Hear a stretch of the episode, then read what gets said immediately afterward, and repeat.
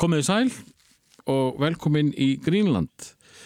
Gestur minn í dag er Helga Braga Jónsdóttir.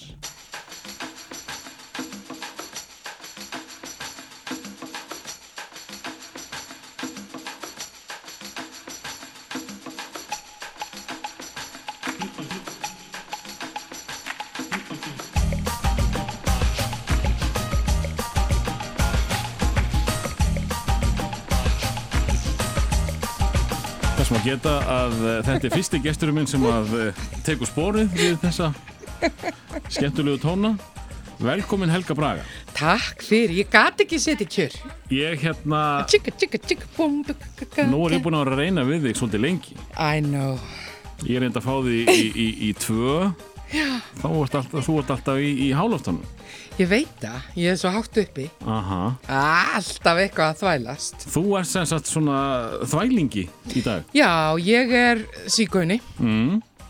ég, ég sko fættist með tvær mjög alvarlegar bakterjur Mm. Leikúsbakteríuna og ferðabakteríuna Aha. og, uh, og, og ferðabakterían er eiginlega sterkari þessi misseri Eh, Þú ert búin að vera eh, flug, er það þjóttn eða freyja í dag? bara, já, flugliði Flugliði? flugliði, flugþjótt Já, Já. maður þarf að passa sig. Já, já, flugþjóðn, er það ekki bara fín? Það er rosa fínt. Jú, líka flugfreyja, það bara má alveg. Þú ert búin að vera í þessu í eitthvað árið, það ekki? Já, já, og ég er búin að sko vera í, ég er búin að vera í, hvað, átta ár í vor, Nú, er ég búin að vera flugfreyja og svo er ég nú eiginlega búin að vera sko, ferðabransin er búin að vera svona leinibransin minn í, í eh, hvað, 30 árið eitthvað. nú, Já, ég var að vinna alltaf á ferðaskristu á sumrin. Ferðaskristu í Ísland, Iceland Bureau Good morning, eitthvað svona. Og uh, svo já, fannst það mjög skemmtilegt að hitta svona uh, fólk allstaðar að úr heiminum og einhvern veginn ná sambandi við, við uh, heiminn Fa- fa- mér finnst það eitthvað svo mikilvægt Mm. Uh, alltaf upplifa sko, ég hef alltaf fengið svona aðeins útþrá og fundist ég eitthvað svona örlítið einangruð hérna á þessari litlu eigu og ert ekki búin að vera svolítið mikið erlendis, ekki bara að fljúa millir landa og, og uh, aðstofa fólki í flugvölum, þú, þú ert svolítið mikið bara erlendis. ég voru mikið, erle, ég voru mikið svona erlendis típa. Já, og það hefur verið, sko, það, það, þú varst komin í það löngu á hann og fórst að fljúa það, Jú, jú, jú, jú, þvæla, þvælast út um allt, sko.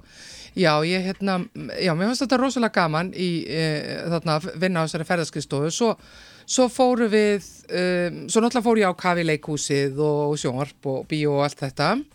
En svo fóru við, uh, við Edda Björgvins, við heldum síðan áfram, við fórum með svona kvennaferðir út um allt, Ah. uh, hérna, í nokkur ár og svona þeim svona þær dóu út svona í kringum hrun þá fannst okkur þetta einhvern veginn svo dýrt fannst okkur ekki einhvern veginn uh, stætt á því að- fara í þannig ferðir. Og svo bara fljótlega í kjölfæri þá einmitt fór uh, Edda Björgvins, hún fór að vinna hjá Iceland Express 2010 og þá náttúrulega varði ég að koma í kjölfærið 2011 Já, og ég bara hef ekki losnað þetta síðan. Nefnilega af því að, að þetta er svo gaman. Þess vegna langar mig að spurja þig, Helga, hvað, hvað voru það að gera í þessum kvennaferðum? Hvað vorum við ekki að gera Voða mikið að færa í kynlýsbúður sko Þú er náttúrulega heyrt uh, Hún er náttúrulega svo mikið dóni hún, edda, nei, nei. Við vorum bara Þetta var svona e, Já, ákveðin svona Sjálfsvinna og gleði Mm. Gleði, eh, sjálfsvinnu Stuð Ferðir Og svona bara Og meiri að fóru, fóru við í sko óvissuferðir. Það var bara einhver, einhver áfangastæður sem að, uh, var valinn og konurna vissi ekki hvert það var að fara. Það fengur bara að vita hvort það er að koma með hlýjan eða, eða svona léttari klæðnað og við fórum til Berlínar og Helsingi, til Bandaríkjana, út um allt. Og, og þær bara mættu bara til að fara með okkur. Já, Fórum til. London líka og þú veist, fórum allir í leikhús og bara alls konar skemmtilegt. Og hva, hvaða aldur er þetta sem við erum að vinna með þarna? Við vorum bara með allan aldur, þarna voru sko systur, maðgur, vinkonur, það var það sem var svolítið skemmtilegt, það var svona breyður aldur. Mm. Þetta var ekki bara kettlingaverðir, Nei, nei, það var skvísu. það var skvísu. Já, Ég skvísuferðir meina þegar þið eru að stjórna þessu, Halló? þá er stutt í skvísuna maður. Jú, jú, jú, jú, alveg heitt. En eigum við að fara kannski bara í upphafið e, það er ekki langt síðan að ég heyrða því að þú sést eh, skagadama Ha? What? Nú, hvað ertu að segja? Ég veist ekkert um það ertu að- Þú veist ekkert um því, það er eins gott úr að taka þetta viðtal. Já, ég meina, nú, nú, nú, sko, nú ætla þjóðin að, að eh, kynnast helgu sinni betur Jú, jú. Örgla margi sem vistu, vissu miklu meira um uh, þína skagatíð en, en þú, ertu, ertu þar fætt og uppalinn eða? Já, ég, já, ég fætt á Akranesi og, og uppalinn. Mamma fór að vísu sko því ég alveg upp hjá einstæri móður, henni Svölu, Bragadóttur, mm. heiti sérst í höfuð á foreldrum hennar, Helgu, uh, heiti, Helgu heitinni ömmu minni og Braga Afa Já, sem að ákvaða náttúrulega þetta brögunafn. Því að það vita það nú allir að, að ég er búin að segja þetta oft, það verður bara að hafa sig. Að ég átti, mam, mömmu, uh, mamma var alltaf ákveðin í að kalla mig Helgu því að mamma hennar dóð þegar hún var sjóra mm. og ég heita í höfuð á henni. Og svo allavega hann kannski að skýra mig mjöll af því henni fannst það svo fallegt nafn. Og, og bræi afi, sko, Gíða Sól, það er svona smá uh, þú veist, ég, ég tek aðeins frá Braga afa, hann var svona snöggur upp á lægið og svona lítill og þykkur svona og dásamlegur sko.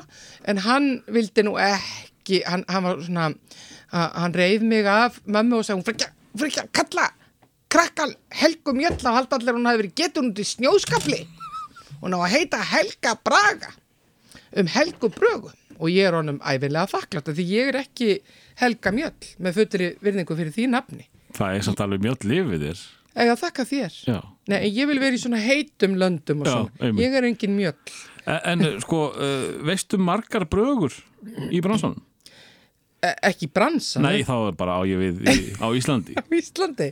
Sigríður Braga eða Guðrún Braga. Já, það er alveg nokkra brögur. Já, Já, það, eru, það var nú sko mm, e, hér í á Rúf var kona sem að hétt Gunnvör Braga já, og var með barnatíman já, já. og, og hún sko e, e, þarna brögunafnið hennar var, hún notaði eins og ættanafn, þannig að það var talað um Gunnvöru Braga sem að rugglaði heilmikið alltaf. En svo egnaðist hún, dóttur sem lé, var leikona og, og, og heitir líka Gunnvör Braga en hún, hún það er millinafn sko. Það, er- Og notar beiginguna þína? Já, já þess, þess hérna eiginlegu beigingu, bara Já. eins og saga um sögu, braga, allt þetta bara sama. En það eru, ég sé alveg, ég á mér þess að held ég alnöfnu, Braga Jónsdóttir, Já, sem er bara sérst, eitt nafn. heiti bra, bara Braga? Já, bara bra, Braga, Braga, Braga. En, en sko, svona Já. þú varst að slá í gegn þá varstu svolítið mikið Helga Bragadóttir, eða ekki? Jú, fólk var, það, það, eitthvað neginn, já, náði þess ekki alveg, sko. Mm. Og ég náði, ég reyndi bara að vera aðrulaus, mamma var brjál, stikti nefan í í útvarpið eða sjónvarpið, sko, og vinkonu mínar og vinir og svona, uh, brjáluður alveg yfir þessu.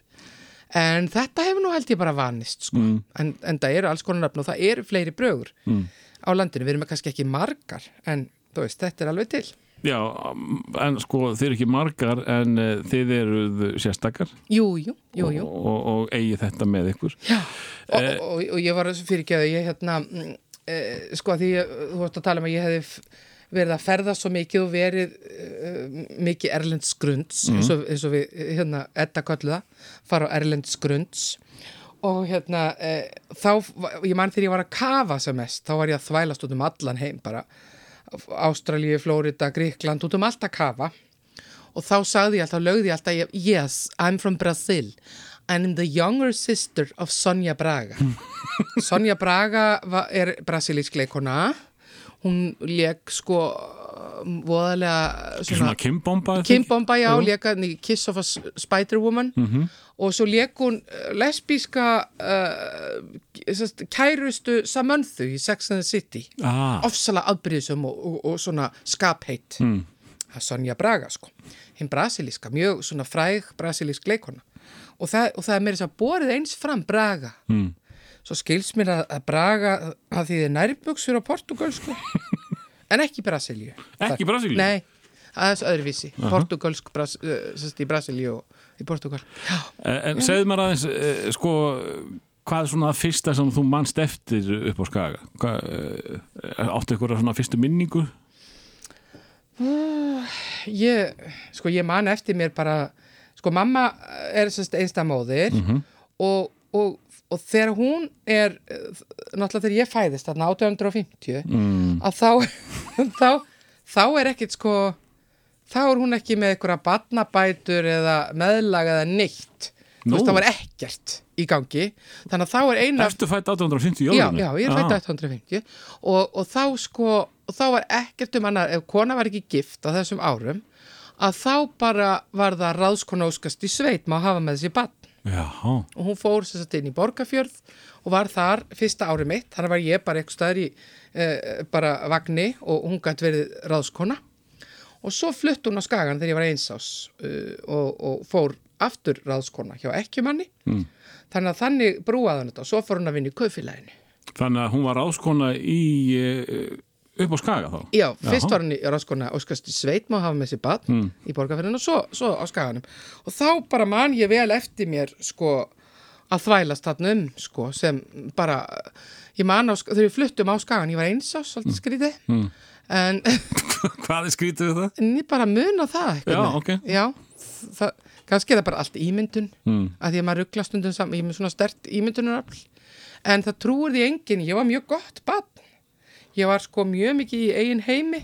Ég man alltaf að ég, ég, mamma let mig hafa svona postkort og svo bara satt ég á gólfinu einmitt eins og ég sit núna svona í lótustellingu mm. ég seti svo leiðis frá bara nánast fæðingu. Reyndar ekki í fæðingunni sjálfri en það hefði verið vesen. En uh, já og þá satt ég bara í lótustellingu inn í lit, litlu herbergi sem við áttum saman og, og, og við maðgurnar, pínu lítið svona og, og með fullt af postkortum og, og bara lék mér með þau einhvern veginn þá bara horfði ég á postkortið og fór inn í sko heim postkortsins og heyrði mamma bara fullt af uh, sko röddum og einhverju, þú veist Og þarna bara kemur þetta strax fram, bæði eh, leikkonan og, og, og, ferðarkonan. já, bara ævintýra, Já. ævintýra þráin Aha. já, og þá fór ég bara að búa til eitthvað, eitthvað ævintýri og, og, og gaman sko Og, og þú þurftir ekki meira nema uh, svona ljósmyndir og ímyndunar. postkort, Já. já. Það er nú nokkuð vel að sér vikið og þetta að segja. Eh, En svona þegar þú ferð að ná smá aldri og, og svona ferð að kynast fólki og, krökkum og eitthvað svona Ég kynntist aldrei neinu. Nei, nei. nei, ég, hérna, já, svo bara, þú veist, fór ég í skóla og, og, og, og hérna, og bara mjög gaman, ég var, ég fór, sko, snemma fór ég að skemmta fólki. Nú, Já, það, hérna, það er svona minning það sem ég stend bara á, á tröppunum eh, í barnaskólanum á, á, hérna, sem heitir núna Brekkubæjaskóli. það sem að geta hún er að fletta sér hárið núna. Já, tala á fléttahárið og Aha. eitthvað, já. Og, uh, og þá, þá stóð ég svona upp á tröppu og með, með svona krakka skara fyrir neðan og svo var ég að hlæja eins og frændi minn. Hlæði eins og frændi þinn. Svo notaði ég þennan hlátur í, í, í hérna, í uh, Börk Birki Trjásson. Reyni við, nei, ég lék Reyni við í Lingdal sem var trjálfur og Steinn lék Börk Birki Trjásson. Mm. Og hann talaði, hann talaði svona. Sem er, sem er fyrsti karakterinn eiginlega. Nei, nei, nei, nei, það er einn af mörgum, sko. Nei, já, jú, jú, það er rétt, Þegar þú já, varst já, með fullt af fólki til að fylgjast með því hlæja bara. já, já, þá fór ég bara, að, þá fór ég að skemmta. Hlæðu eins og frændiðinn, ég segi ekkert hvaða frændi, Nei, hann er líka löngu hættur að hlæja svona, mjög virðilega maður. Já. En já, þannig að, og svo var, þú veist, það var alltaf, ég var alveg ákveðin, bara, bara það grínuðist með það sko föður amma mín og, og sýstir hennar að ég var valla byrjuð að tala þegar ég sagði, ég ætla að vera leikona. Já, Ég var alveg ákveðin í því. Það var náttúrulega bara því að ég bjó ekki hjá pappa og hann var leikari. Þannig ég sá það í einhverjum svona ljóma og, og svo bara held ég mig við það. Svo hitti ég mitt um daginn eh, núna eh, í sundi, Eh, ég er alltaf í sundi, hverjum degi, og segi ekki hvað lög, það var alveg koma allir kallan þetta. Nei og, og hérna, og ég Þú hefði... segir mér það kannski.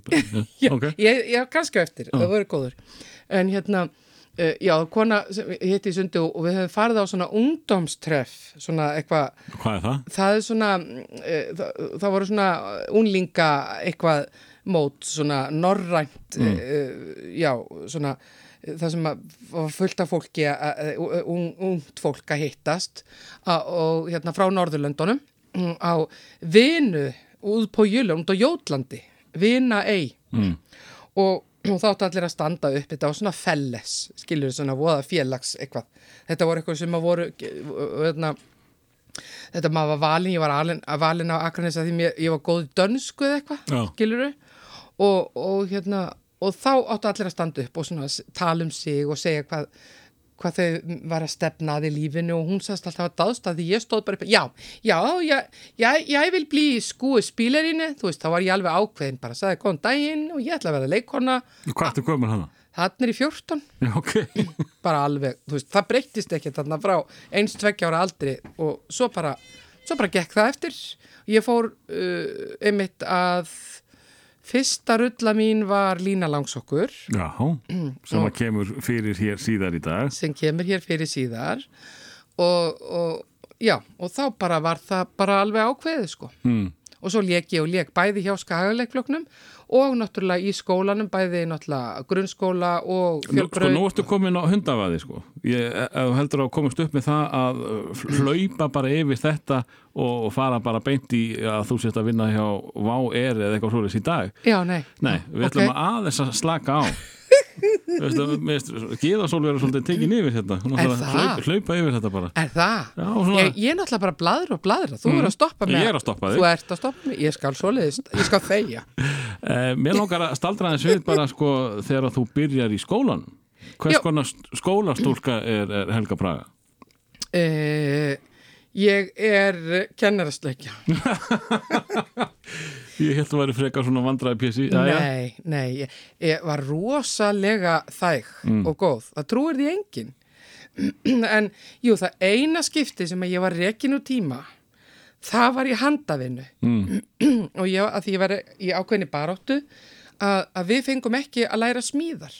Já. Við óttum bara að vera prjóna og sauma og, og Ég breyttist bara að hann bara mætti já, me- me- sveið þetta, ég Já. vildi læra smíða og, og jú, það endaði með, ég fengum, ég fór í málmsmíði, ekki nýst mér mikið. Nei. Þannig ég lærði eiginlega hvorugt, eiginlega ekkert af þessu, hvorki sauma eða prjóna eða hekla eða, eða, eða smíða, kannski örlítið í málmsmíði, ekki nýst mér mikið. Þannig að, og, en svo leittist mér svo í þessum handafinni tímum og það var ákveðin uppreist í mér með þetta. Og, og ég man ég var rekinu tíma að því að ég söng Ríksugan á fullu á sko að bara að háa síðan. Mm. Ríksugan á fullu getur alveg bara svona hátt og skörulega. Þannig að ég var náttúrulega bara hent út. Ég er nefnilega mann sko þegar ég var í nýjendabæk þá held ég að það hafi verið fyrsta skipti eh, sko í bóði að fara á þann stað sem þú vildi fara. Já, Ég var einn í, handavinnunni með, með stelpunum. já, gott með þig. Já, Já, það var mjög góðu vettur sko. já, einmitt. En þú fórst í málsmíði. Að vísu hefur handavinnan ekki nýst mér mikið. Ég, ég prjónaði eitt vesti og, og, og hérna saumaði hennar skirtu. já, vel gert Já, þetta er mjög ljótustu flíkur sem hafa verið gerðar á Íslandi sko, ég get lofaði því. Ég held að ég hef mitt hafið saumað pils með hjálp móðu minnar Mm. og eitthvað svona smávegi sko. Svo bara hef ég ekki sest við saumavélina síðan. Mm. Það er bara einhvern veginn þannig. Nei, þannig ég var frekar, mér fannst gaman að læra. Mér fannst opbóslega gaman að læra. Mér hefur alltaf fundist það mjög gaman. Og hver, hver voru þín fög? Danskan var greinilega sterk. Já, íslenska. Já. Ég fekk velun, uh, hérna, fyrir, ég var best í íslensku uh, allan skólan, eitthvað, eða minn árgang Mm. og það var uh, og velenu voru það var eitthvað svona felles, það var eitthvað svona félag sem átti ekki gera upp á milli og, og, og, uh, það voru svo miður sín þarna kennararnir að ég fengi ekki byggar en velenu voru að vera rítstjóri fermingabarnablaðsins það var mjög merkilegt og tók það mjög alvarlega sko Já, ég skal trúa því. já, já, Eh, Segðu mér að, sko, þetta er þá Akranes in the 70s, gerir ráð fyrir. Mm Mhm. hvernig, eh, hvernig var að vera krakki upp á Skaga á mjög gaman, mjög Já. gaman ég átti heima uh, uh, hérna beint á móti íþróttahúsinu ég átti heima á Vestugötunni Mm. Já. bara beint á móti skólanum og, og það, það var að byggja íþróttahúsi sem er orðið eldgamalt í dag sko. Þetta er 1850. Jú, jú. Og við vorum alltaf ég var í leinifélagi, ég og Hólfríði vinkona og Dötti og Siggi og við vorum alltaf að hittast í byggingunni Sem, já, hérna, Íslandósunu Já, það var að byggja sko. Og voru, það var hættulegt. Já. það var mjög hættulegt. Og, og hérna e, og við vorum svona, þú veist, við tvær vorum svolítið skotnar í þeim. Mm. það var aldrei alveg á hreinu hvor, var skotin í. Það var eitthvað einhvern veginn þó við vissuð alveg í hjörtum okkar. Mm. en, en þá, þú veist, þá var það ekkert gefið upp sko. Mm. Og mér minnir að þeir hafi sendt okkur svo uppsagnabrif sko, saman af því þá voru þeir farnir að leita á önnur mið sko sem að, að, að við vorum frekar svona góðar sko. Mm. og, og við vorum ekki svona einhverjar voða pæjur að byrja að reykja eða neitt svona. Nei, ekki svona bad girls. Nei, við vorum ekki bad girls. Og, og ég var alveg ákveðin svo var ég, ég var svo heppin að, að, að kennari sem hétt Þorgils uh, heitinn, blessu sér minningans hann var, hafði leikið mikið í skagalegloknum og hann var svona framamaður í stúkunni þannig ég fór í badnastúkuna stjarnan um 103 Fyrir þá sem að ekki vita hvað stúka er Já, það er svona, svona stúka, þú veist að vera, já, hvað segir maður? svona bindindisfélag Já, bindindisfélag, Já. já, bindindisfélag, sko.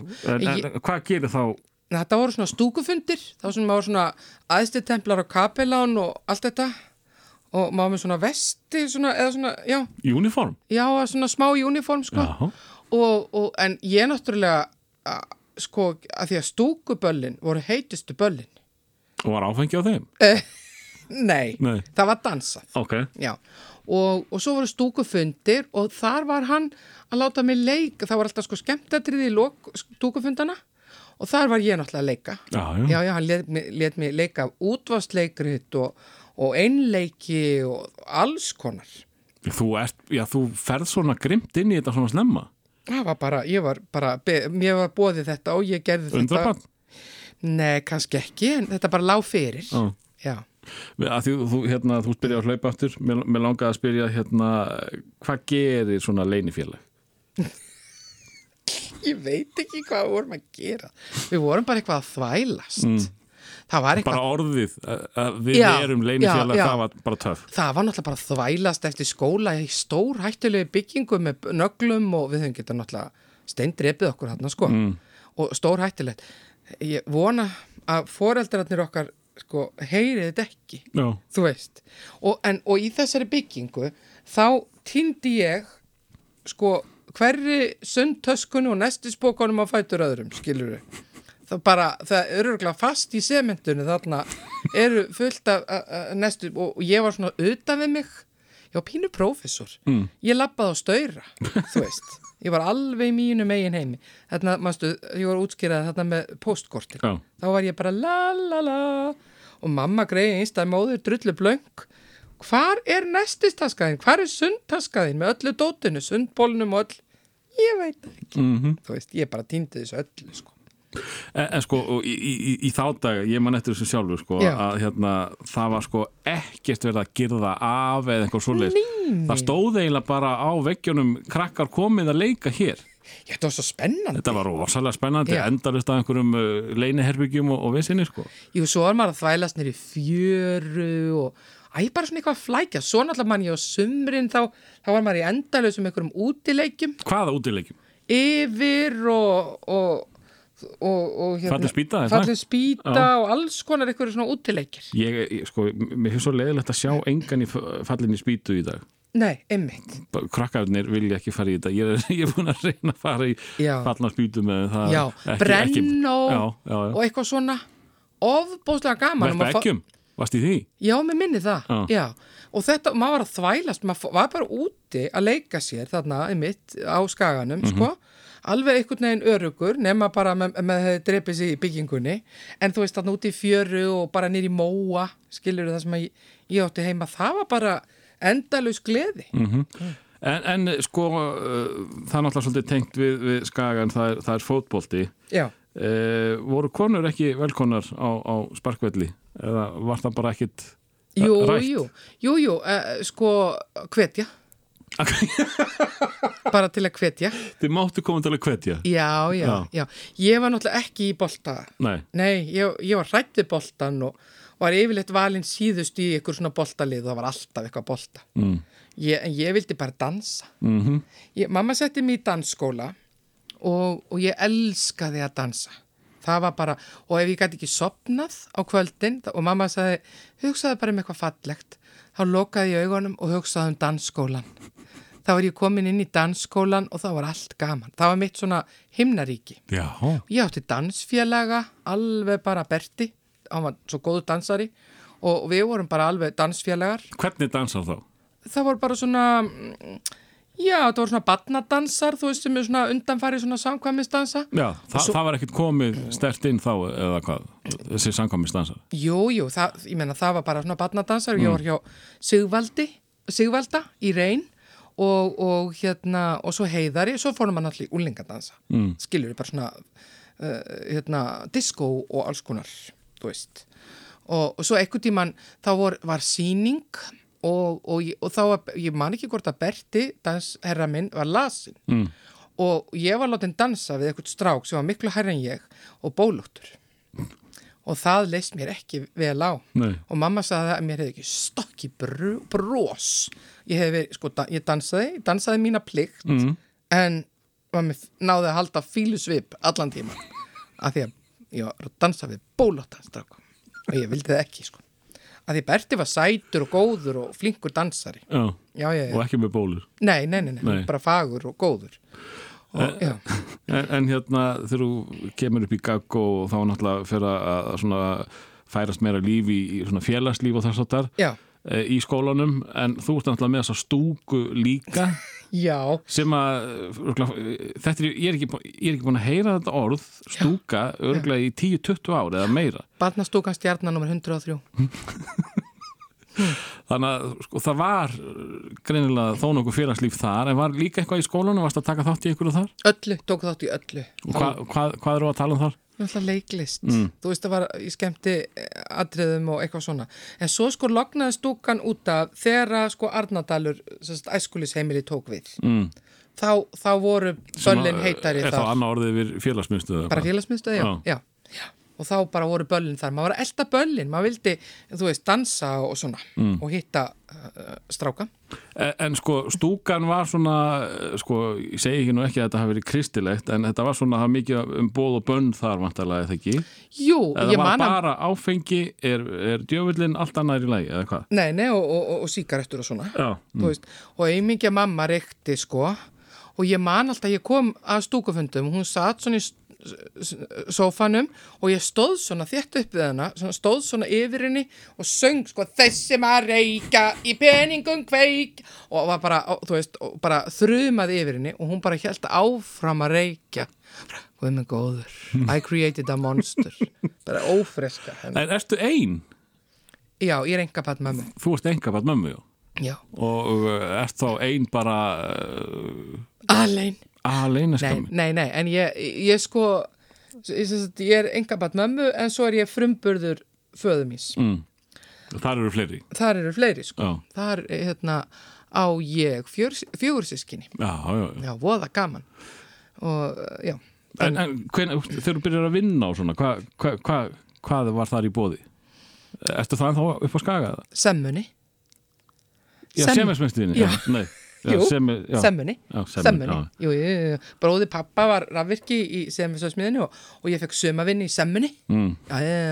Og, og þar var maður að hérna, mm, já, ég var að mála og svona dittaði görðum þessum litlu svona grænu svæðum og, og alls konar. Svo náttúrulega var maður að þú veist, passa og, gera bara svona alls konar eitthvað skemmtilegt. Svo setna þá fór ég að vinna eh, þú veist, að passa krakka í æskulis þú veist, eh, hérna, heimilinu það voru svona leikjanámskeið þú Mm. Veist, þegar ég var komin í mentaskóla en þá er ég kannski farin að laupa þegar ég tala um mentaskóla Nei, allt í lagi, allt í lagi. Við erum svona að nálgast uh, þann aldur sko. Já. uh, En svona uh, hvenna gengi, hvenna ger þínir félagar? Hvað, hvað fyrir utan uh, leini félagið og, og dansleiki hvað hva, hva voru það að gera? E, já, hva- um, fyrir utan bara læra og leika okkur og dansa og svona. Mm. það var bara, það var bara málið sko Já, það var svolítið skemmtilegt, ég á svo góða vini sko ofna skaga og til dæmis Hólfríður sem var með mér í leinifélaginu Mhm. að þeir bara í skiluru sjö ára bekk fyrst var svona sex ára bekkur og ég slefti honum að því ég kunna lesa einhvern veginn og, og ég var náttúrulega bráðger jú. en hérna mm, og ég, eh, svona kunningja dóttir kunningja konu mömmu eða vinkonu mömmu hún ákveði að sitja við hliðina á, á stelpu sem hún þekkti og þá bara leiti ég svona í kringum mig og var ein og þá leiti ég bara stelpu, ég horfði í augun á hen- henni og sagði, viltu sitja við hliðina mér? Já, já og svo sátu við, og bara, þá, svo bara tókust við hendur og erum búin að vera vinkonu síðan Já. það er bara mjög fallegt hún, hún heitir Hólfríður og er kokkur og býr í Kokkedal í Danmörku Já, ég er nýkomin úr heimsókn frá henni já, já, skemmtilegt. já, svo fallegt Eh, við ætlum að fara í barnalagi, Já. eh, svona sem minnið á barnaskuna, Já. en við erum samt komin aðeins fram úr okkur Jú, jú. eh, í leiðinni, þannig að mm, sko að því að tala um vinkonur og þess að það já, þegar þú ert komin í gaggó, við ætlum Já. ekki að fara að tala um úlingalagið, það kemur Nei. síðar, það kemur eftir mentó. ok Eh, hvað, hvað varst að hlusta á, sko við ætlum að fara í algjörð barnalag, Já. eh, en svona þú ert að verða úlingur, hvað, hvað, hvað þótti skemmtilegt uh, á Akarnesi eða í eirónum á, á helgu sín? á helgu sín Mm.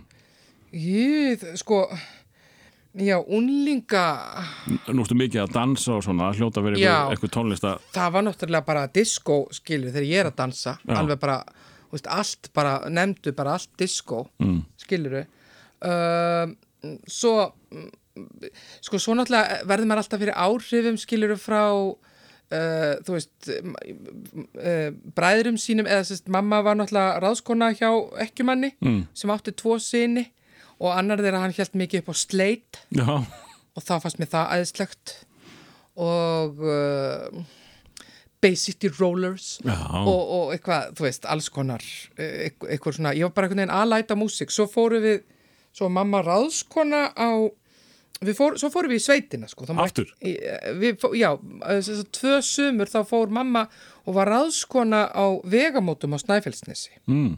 og það var alveg, það var hérna rosa skemmtilegt þú veist, þar fór maður á, á sveitaböll og svona, þó ég væri bara tíu ára skilur, já.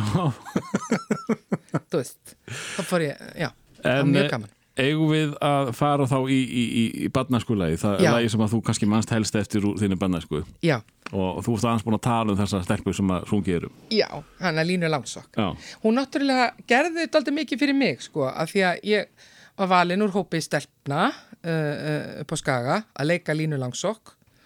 Og ég mani ég var ég var, ég og Anna Hermans, vinkona mín við vorum í Reykjavík að kaupa okkur þött Mm. og minnum í pophúsinu, óngslega gaman. Og, mam, og ég var á svona smá gelgja sko, ég var 15, 14 að verða 15 mm. og, og hérna uh, og mamma ringir í mig og, eða heim til pappa og, heyrðu það er þú verður að koma að Agraborginni því það er síðusti séns að fara í pröfur fyrir línu langs og ég ætla hann ekki að nenna því. En ég, eh, hún, hún talaði mig til og ég fór og, og hérna ég held ég hef verið síðust sko sem að fór í pröfuna og fekk rulluna og það var mjög skemmtilegt af því þú veist, það, það er það svo var mikið svona alveg gigga það ekki? Jú, jú, Sýning sem að gekk eitthvað tíma já, já, já, já og bara e, það gefur manni líka sérstaklega þegar maður er 15 ára skilur, að leika línu langsug það er svo bara, gefur manni svo mikið kraft. Mm. ég haf, var náttúrulega löngu byrjuð að leika og, og það farið fullt af námskeiðum og, og svona. Og, og mér bauðst að leika aðra rullu árið áður hjá skagaleikloknum en ég neitaði af því að mér stóð ekki henda mér rullan ég var hann voða, veist, góð með mig. Einhvern veginn, Já. stóð ekki alveg rulla fyrir mig. Já, en þessi var góð. Já, og svo bara, þú veist, leik ég alveg bara, þú veist, tvær þrjá rullur á vetri, uh, bara frá því, alveg, með skagaleikflókn með skale, annarkvort með skalekloknum og eða fjölbraut, skilur kannski tvær, það voru tvær uppsetningar, sko, á hvorum stað, Það var sem sagt svona mikið að gera fyrir unga leikara alveg bara, það var allt á fullu. Já. mjög gaman að alast upp. Já, Og mamma var sko formaði skaleklokksins á tímabili mm. og ég meina það er frábært að alast upp á skaganum þó maður sé ekki í boltanum nei ég fór að vísu, smá út út úr ég fór alveg á völlin fyrst sem lítilstelpa að þá var hérna bara að týna flöskur Mhm. skiluru, þú veist og bara fannst pening? Og jú, eitthvað aðeins að horfa. Svo, svo náttúrulega fór maður að horfa strákana. Mm svo kynntist ég strákum þannig, fótballtastrákum ekki mín deild. Það er svo vittlisir Já, og smá hróki í mér sko. Mm, en hérna, já, nefnast það ekki alveg mín deild. Af því ég var meira svona bókment og listir nákvæmlega, nákvæmlega. Ég var ekki eitthvað svona fótbolta. En uh, sko, að því þú bæði velur Línu Lánsók og leikur Já. þarna þetta stóra hlutverk. Mm. varst ekki pínu Lína Lánsók? jú, ég var það. Já, Já, og ég man alltaf oh, those were the days. Ég man alltaf, ég var látið vera þú veist, ég var í Kína skóm, skiluru og svo var ég í stórum kallaskóm og, og utan og það voru einhvern veginn bundi svona létt svona um fæturnar af mér. Og ég hljóp sko, bíóhöllin er mjög stór það er mjög stórt svið og, og, og salur og ég hljóp allan ringin og, og lappaði á svona brík svona sem skiptir sem sagt efri sal og neðri sal hljóp og svo fór ég að gera flikk, flakk og eitthvað. Og ég man alltaf, ég þarf ekkert að anda. Skilur ég blés ekki úr nös 15 ára, mm. skilur þú er ekki alveg geta þetta í dag en já ég held það. Já, svona, kannski, veit ekki. Allt þetta sundmaður, já, nákvæmlega, nákvæmlega. Að heyra Línu? Já, og hver ætlar að flytja þetta fyrir okkur? Hanna Valdís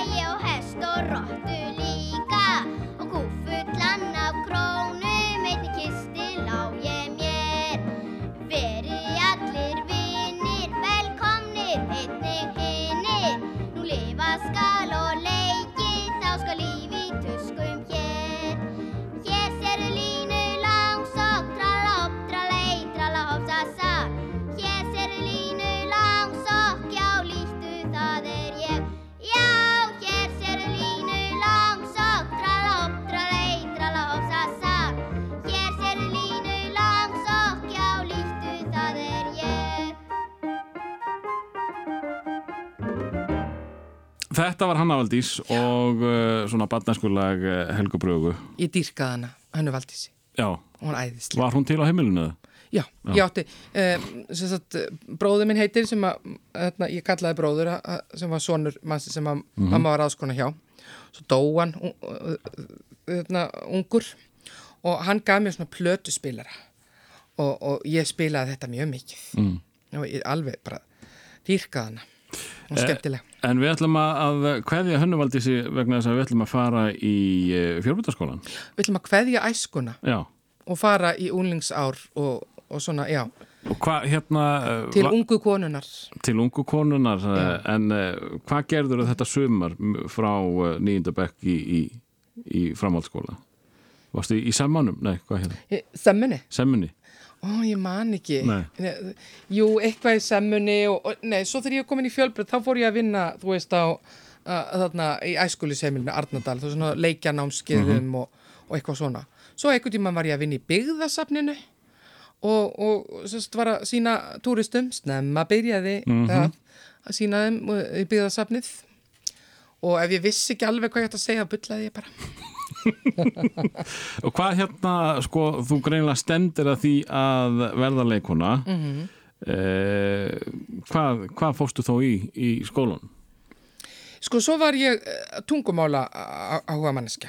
Já, það var alveg á hreinu uh, og ég fór bara á málabraut og, og fannst það mjög skemmtilegt og bara þú veist fullt af dönsku á, áfangum og, og, og náttúrulega íslensku og, og þýsku og frönsku ég á svo mikið, áhuga á frönsku að frönsku kennarin hún bjóð til auka áfanga handa mér þannig ég var átta áfanga Í fransku? já, Hvað talar um tungumál? nokkur bara Já. já, já, ég get svona bjarga mér á kannski svona átta tungumáli með eitthvað svona Já. Já, þetta er svona, ég er svona, I'm a bit of a linguist. En það líka sko, ég veit að ég er að hlaupa núna, en daginn eftir stúdenspróf flutti ég til Parísar. Já. Nei, mér fannst skæin aðeins og lítill. Þetta búið að vera frábært og leika mér og leika, þú veist, leika bara alveg á fullu, sko, og, og hérna, og læra og leika og læra, svo bara, mm, París. Mm. Það er skæin París. Já. Þetta er mjög eðlilegt skref Já, sem já. að ung kona er að taka. Ekki, ekki spurning, sko. Hvernig var í, í, í, í hérna, þetta var fjörbreytaskólinn á Vesturlandi eða hvað? Já, já, fjölbyrtaskóli, eins og hétt á Akranesi, mm. en fjölbyrtaskóli Vesturlands í dag, já. Og, og hvernig, hvernig var þar? Mjög gaman, Mm. skemmtilegt félagslíf, ég var auðvitað formaður leiklistaklúpsins, eðlilega. Já. Og tókstu öll að hlutverkin í leðinu? Nei, uh, nei, nei, nei, nei, einhvern tíman uh, var ég nú aðstóðaleikstjóri og, og alls konar bara. Jú, ég lék náttúrulega mikið, sko, Mm. já, já, og bara mér fannst það mjög skemmtilegt. Og við, og bara svona, það var myndaðist auðvitað bara svona klíka. Mm. svona leiklistaklíkan eins og gerir, í- þú veist, gerist í svona mentaskólum og fjölbyrtaskólum mjög, mjög gaman svo gáðu út skólablað og svo byrjaði ég náttúrulega bara á föstu Já. 16 ára, Já. Var svona svolítið kettling þú veist, ég, ég var alveg bara byrjaði bara föstu og við ætlum bara að vera saman til ævi loka og, og eignast eitt og halvt barn og búið í raðhúsi og ég ætlaði að vera fastraða leikona hjá uh, leikfélagi Reykjavíkur þetta var allt svona í kassa en fyrst þurfti ég að fara til Parísar Og þú fórst einn þangað eða ekki? Já, já, það, hann leiði mér það Já. Nú, þið voru sem sagt í sambandi eh, út all... frá 16 ára aldri, sko. Já. Já, já, svo kom ég heim og við fórum að búa. Nú, nú, Já, hann, í- beið bara. Já, já, hann beið. Og hérna, ég var nú bara í fjóra mánuði, sko. Já. Skrifuðumst á, náttúrulega. Mm. Og uh, já, ég þurfti aðeins að, veist, ég var svo, var svo, hérna, hrifin af frönskunni. Mm. Ég var að tala frönsku. Og, og var bara að komast út. Veist, það bara, útþráin var það sterk. Mm. Svo byggum við saman uh, mitt, uh, hann fór í, í myndlistaskólan, mynd og hand og ég í, í leiklistaskólan. Mm -hmm.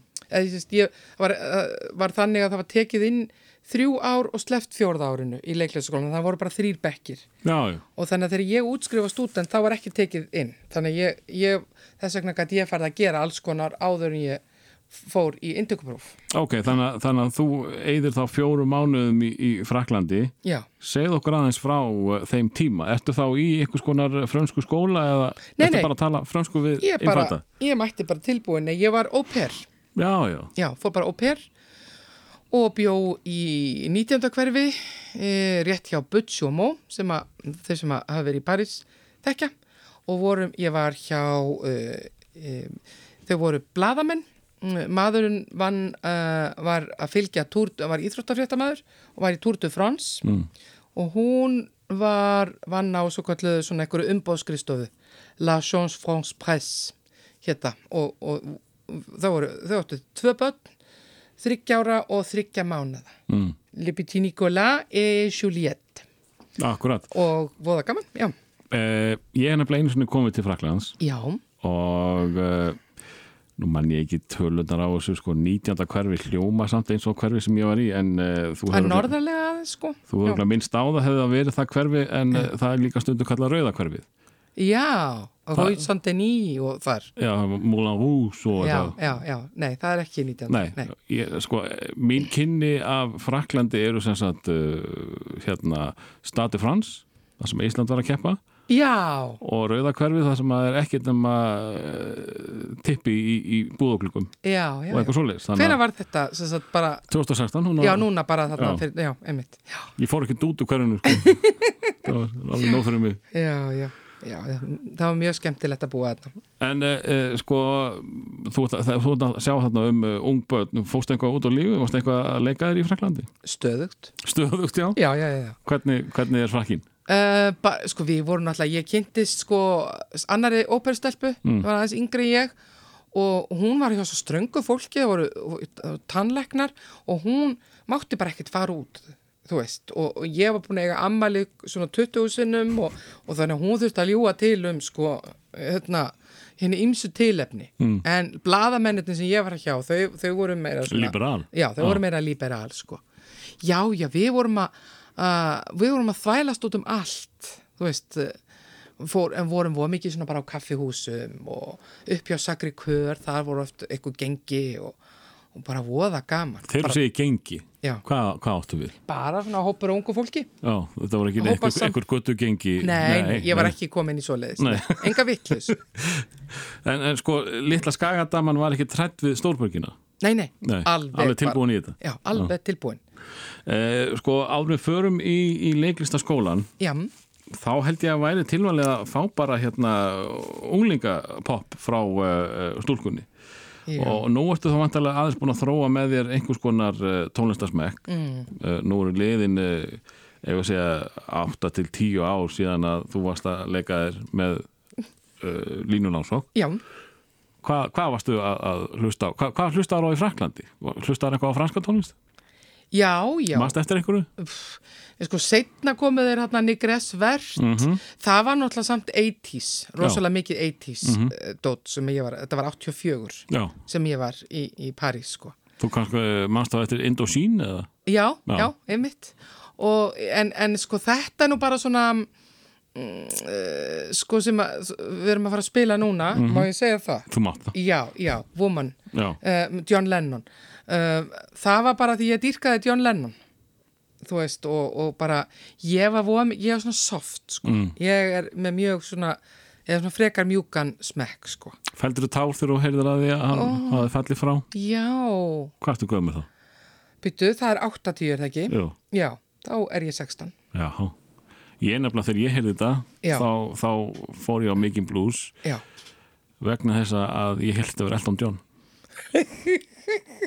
Ég veist ekki hver John Lennon er það ekki? Nei. Nei, ég bara, ég bara dýrkaði sko, svo náttúrulega hann, þú veist, friðarsinni og, og bara svo merkilegur tónlistamæður, merkilegur maður, sko. Mhm. Þannig að hann, já, hann er mjög, ég bara elskaði John Lennon. Þú elskaðir og elskar enn Já, John Lennon já. Við ætlum að heyra hér unglinga smellin hennar Helgu Brögu. Þetta er John Lennon og Woman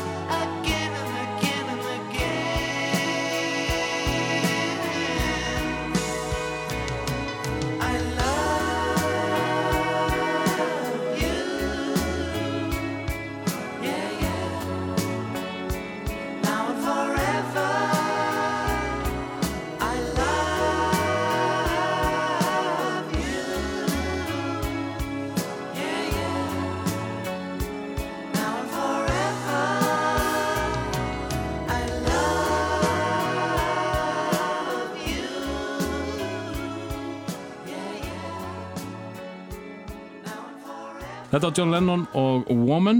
Þetta er uh, unlingapoppið hennar Helgu. Og uh, við erum á leiðinni í leiklistaskólan uh, Þú ert aðeins búin að já aðeins búin að, þú ert helling búin að viðra þessa leiklistabakteríu þína á skaganum. Þú ert líka búin að káa aðeins á ferðakoninni Helgu. Ævindir að þráni. ævintýra þráni. Og nú ertu á leiðinni bara heim í þinn skóla. Já, já. Og- og þetta sko, sérstaklega þá held ég eh, maður heyrður sögur af því að það hefur verið ævintýrlega tíðurlega erfitt að komast að inn. Það voru kannski hundar sem sótt um og endaði með fjórum eða eitthvað, ég veit ekki hvernig þetta var. Átta þegar ég var. Þá var, já, ég, ég þarna 84 og fer bara erlendis og svo fer ég að vinna í Iðnó mm. og, og, og, og sætavísa og, og, fór að vinna bara alls konar fór að vinna flutt greinlega í bæinn þá. Já, flutti bara og fór að búa með mínum kærasta og, og, og uh, já, fór að vinna í Iðnó fór í söngnám, fór í, í dans og fórst í söngnum já, ég var bara svona aðeins að þú veist, vinna með röddina eh, já, bara að gera það klára fyrir ég var að gera Já. mig klára fyrir leiklistaskólan Mhm. hjá Guðmundu Eliasar heitinni, óperusöngunu og uh, mjög gaman og svo fór ég í kramhúsið og var að dansa og var það til þá? já, já, já, já, kramhúsið alveg búið að vera mjög lengi. Ok, og, og já, og svo bara fór ég, ég fór að vinna leikskóla smá tíma og svo fór ég að vinna í, í uh, háskólanum, nefndaskráni mm. bara mjög gaman, fór bara að gera alls konar og, og var jafnframt að undibúa mig. Og svo bara vorið, eða bara eftir áramót þarna, eh, 85 þá bara fer maður að eh, sækjum og það var þetta, þetta var þrískipt fyrst er- var það einn dagur sem allir fóru í indökupróf Mm. svo siktaður því og þá var það kannski svona 85 eða 80 eða eitthvað sem að fóru í annan dag. Og svo var það mm, einhverjir, svo voru valið úr því eða mann ekki alveg það, 40, ég mann ekki. Og svo, svo hérna var það 16 manna hópur. Fyrir lokaprófi já, og það var alveg viku prósess, það var bara Já, viku það. já, próf. Þannig, að- þannig að þeir sem að sko, þessir 100-200 sem að komast ekki mm. voru að eyða kannski alveg tveim vikum í ekki neitt Nei, tvis, sko þú veist, það var tvær síur, bara einn dagur og svo einn dagur Já, ok. og svo var valið 16 manns og við vorum í einhverjum svona viku prófum. og hvað, eh, sko, getur þú sagt okkur eitthvað hvað þið voru að gera í þessum prófum hvernig var uh, voru kennarar að prófa ykkur, í hverju Já, sko, fyrst þegar maður fer, þá er maður náttúrulega bara, er maður búin að æfa einn tall og, og flytur það og svo aftur, uh, minni mig, nei, svo var það bara spuni og svo einhver fleiri eintöl og svo voru senur og meiri spuni, l- leikfimi, eh, eða dans, söngur, uh, Lárus Ímir Óskarsson, hann var aðeins að pröfa okkur svona, hann er náttúrulega kvikmyndagerðamaður, hann var aðeins að tekka okkur sko, hvernig við kæmum út í vél, það hafði einhvern veginn ekki verið prófað mikið, eða svona unni með það, uh, en hann gerði það og þú veist, það var bara allt sem að viðkemur þessum, þessu leiklista námi, var bara prófað. Ég er nefnilega, sko, ég er búin að tala við þó nokkuð marga sem að hafa farið í hennar skóla mm. og uh, flestallir uh, sögðu svona kannski mestalagi mánuð áður. Já, ég kannski síðan ákvað ég kannski að prófa að fara í hennar líklistaskóla. Mm. Það er enginn búin að vera svona staðfastur í, í, á sinni vegferð eins og þú. Það var alveg ákveðið, sko. Búin að fara í söngnóm, Já. danstífandi klári, það er Allt, all, all, allt já. tilbúið. Og bara, uh, þetta heitir að, að sko bara sjá fyrir sér og taka stefnu og bara gera þetta. Mm. Og ég var með plan, það var plan A Já, og það var líka plan B. nú, hvað var það? Já, já, já. Ég ætla að sækja, ef ég hef ekki komist inn, þá ætla ég að sækja þrísvar hæstalagi. Og ef ég hef ekki komist inn strax, þá ætla ég að fara í frönsku og ensku. Og ef ég hef ekki komist inn á Íslandi, þá hefði ég farið til Bretlands. Mm. Ég ætlaði að verða leikona. Mm. Það var ekkert, en svo komst ég inn í fyrsta. Þannig þessi hinn plön þau urðu ekki eftir.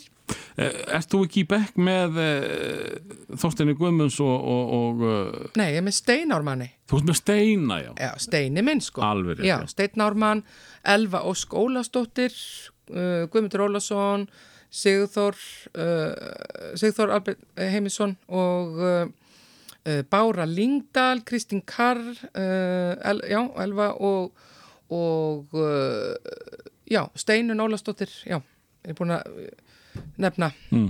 bekkjarsískinni mín. Og hvernig, hvernig var þetta? Sko það sem að var svolítið sérstakt var við þennan bekk var að það voru fimm uh, stelpur og þrýr strákar.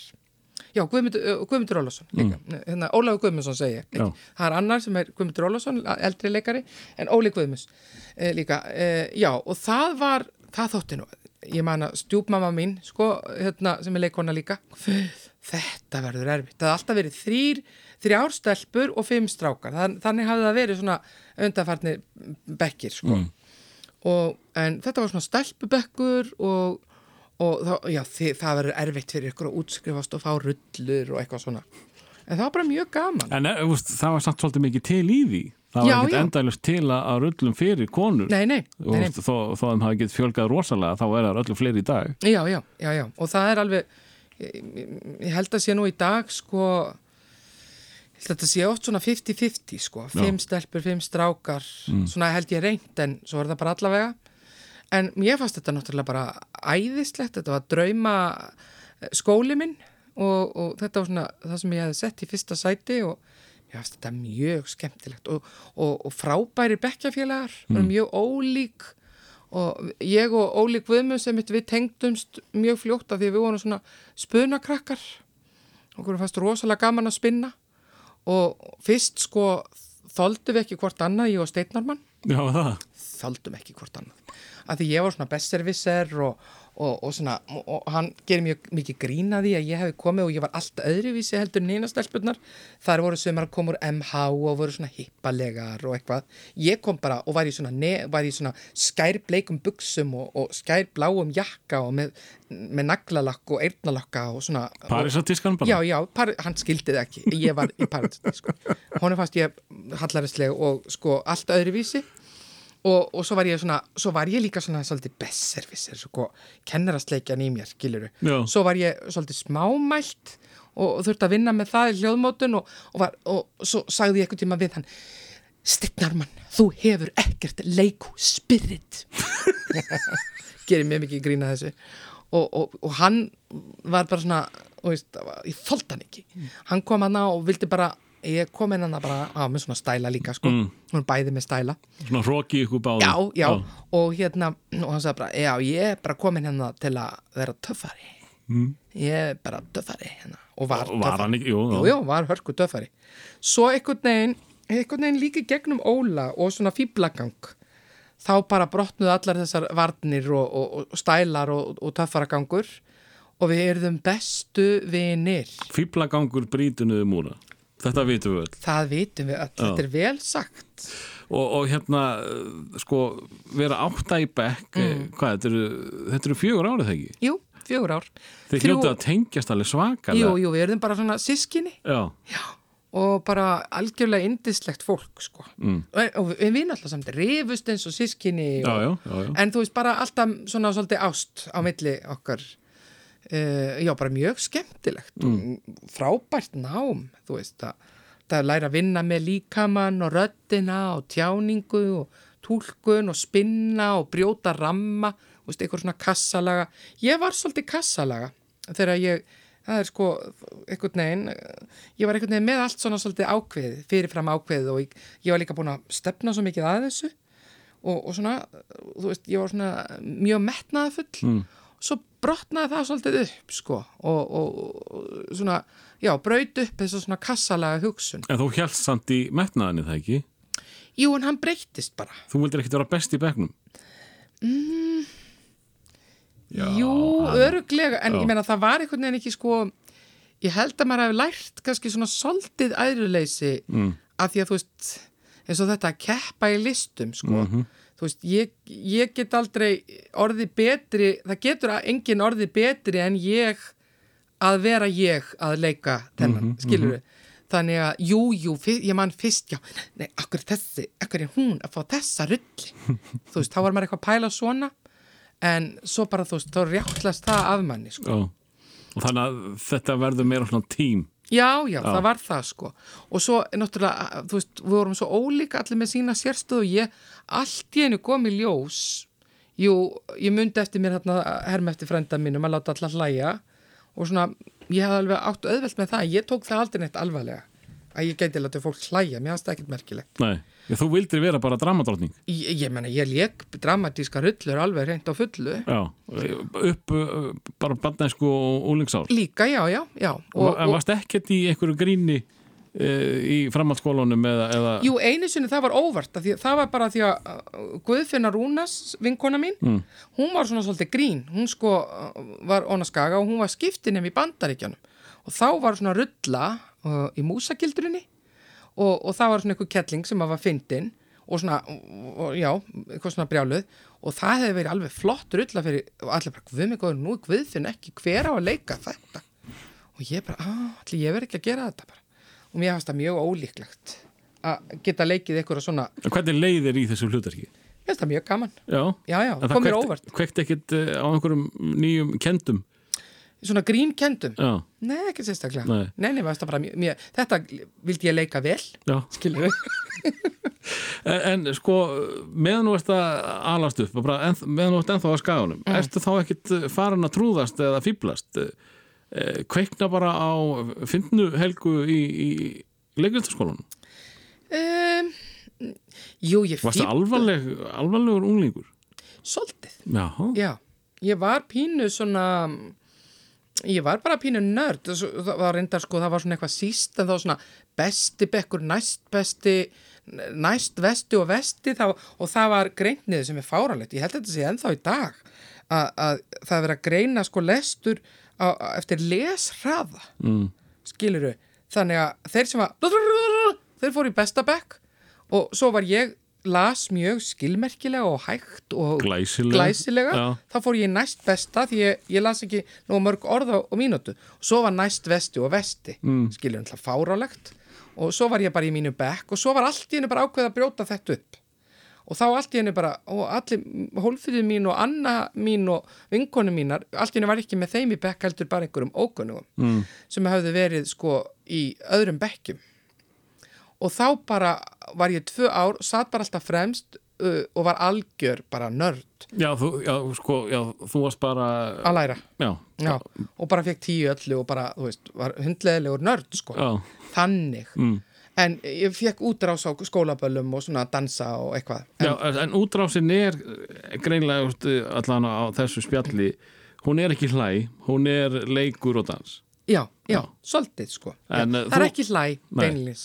En þú ert að detti eitthvað hlæ þarna í, í leiklistaskólanum Já, ég man eftir því, sko, að- að það var svona leikliðin og spuna, þú veist, að- spuna drottningin í mér, sko. Já, þessi spunadrottning Mm. var hún að drama allan tíma Nei, hún, það, í leiklistaskólanum þá bara, ég meina þá er- þess vegna er ég kannski að hluta til tekin inn að því að ég er á mjög öðvelt með að spinna og bara finnst það svo gaman og svo einhvern tíman uh, þá lekum við í nefndaleikúsinu þá lekum við uh, leikrit brest nýlegt þá, þá eh, nýlegt brest leikrit sem að hétt True Dare Kiss.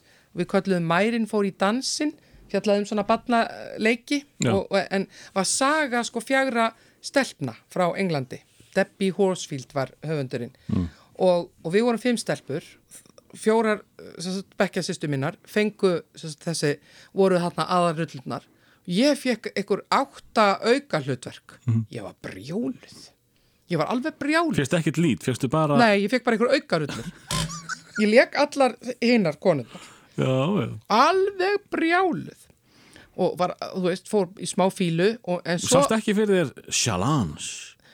Nei, svo allt Nei. í einu gerast og svo var ég bara að leika ykkur konu og bekk að býða, skiluru og ég og Óli vorum eitthvað maður og konu og bekk og, þurftum eitthvað að gera. Og, allt í einu bara fórum við eitthvað að fýblast og vorum við bara, breytist ég eitthvað að finna típu og allt í einu þá bara, þá gerðist eitthvað í mér.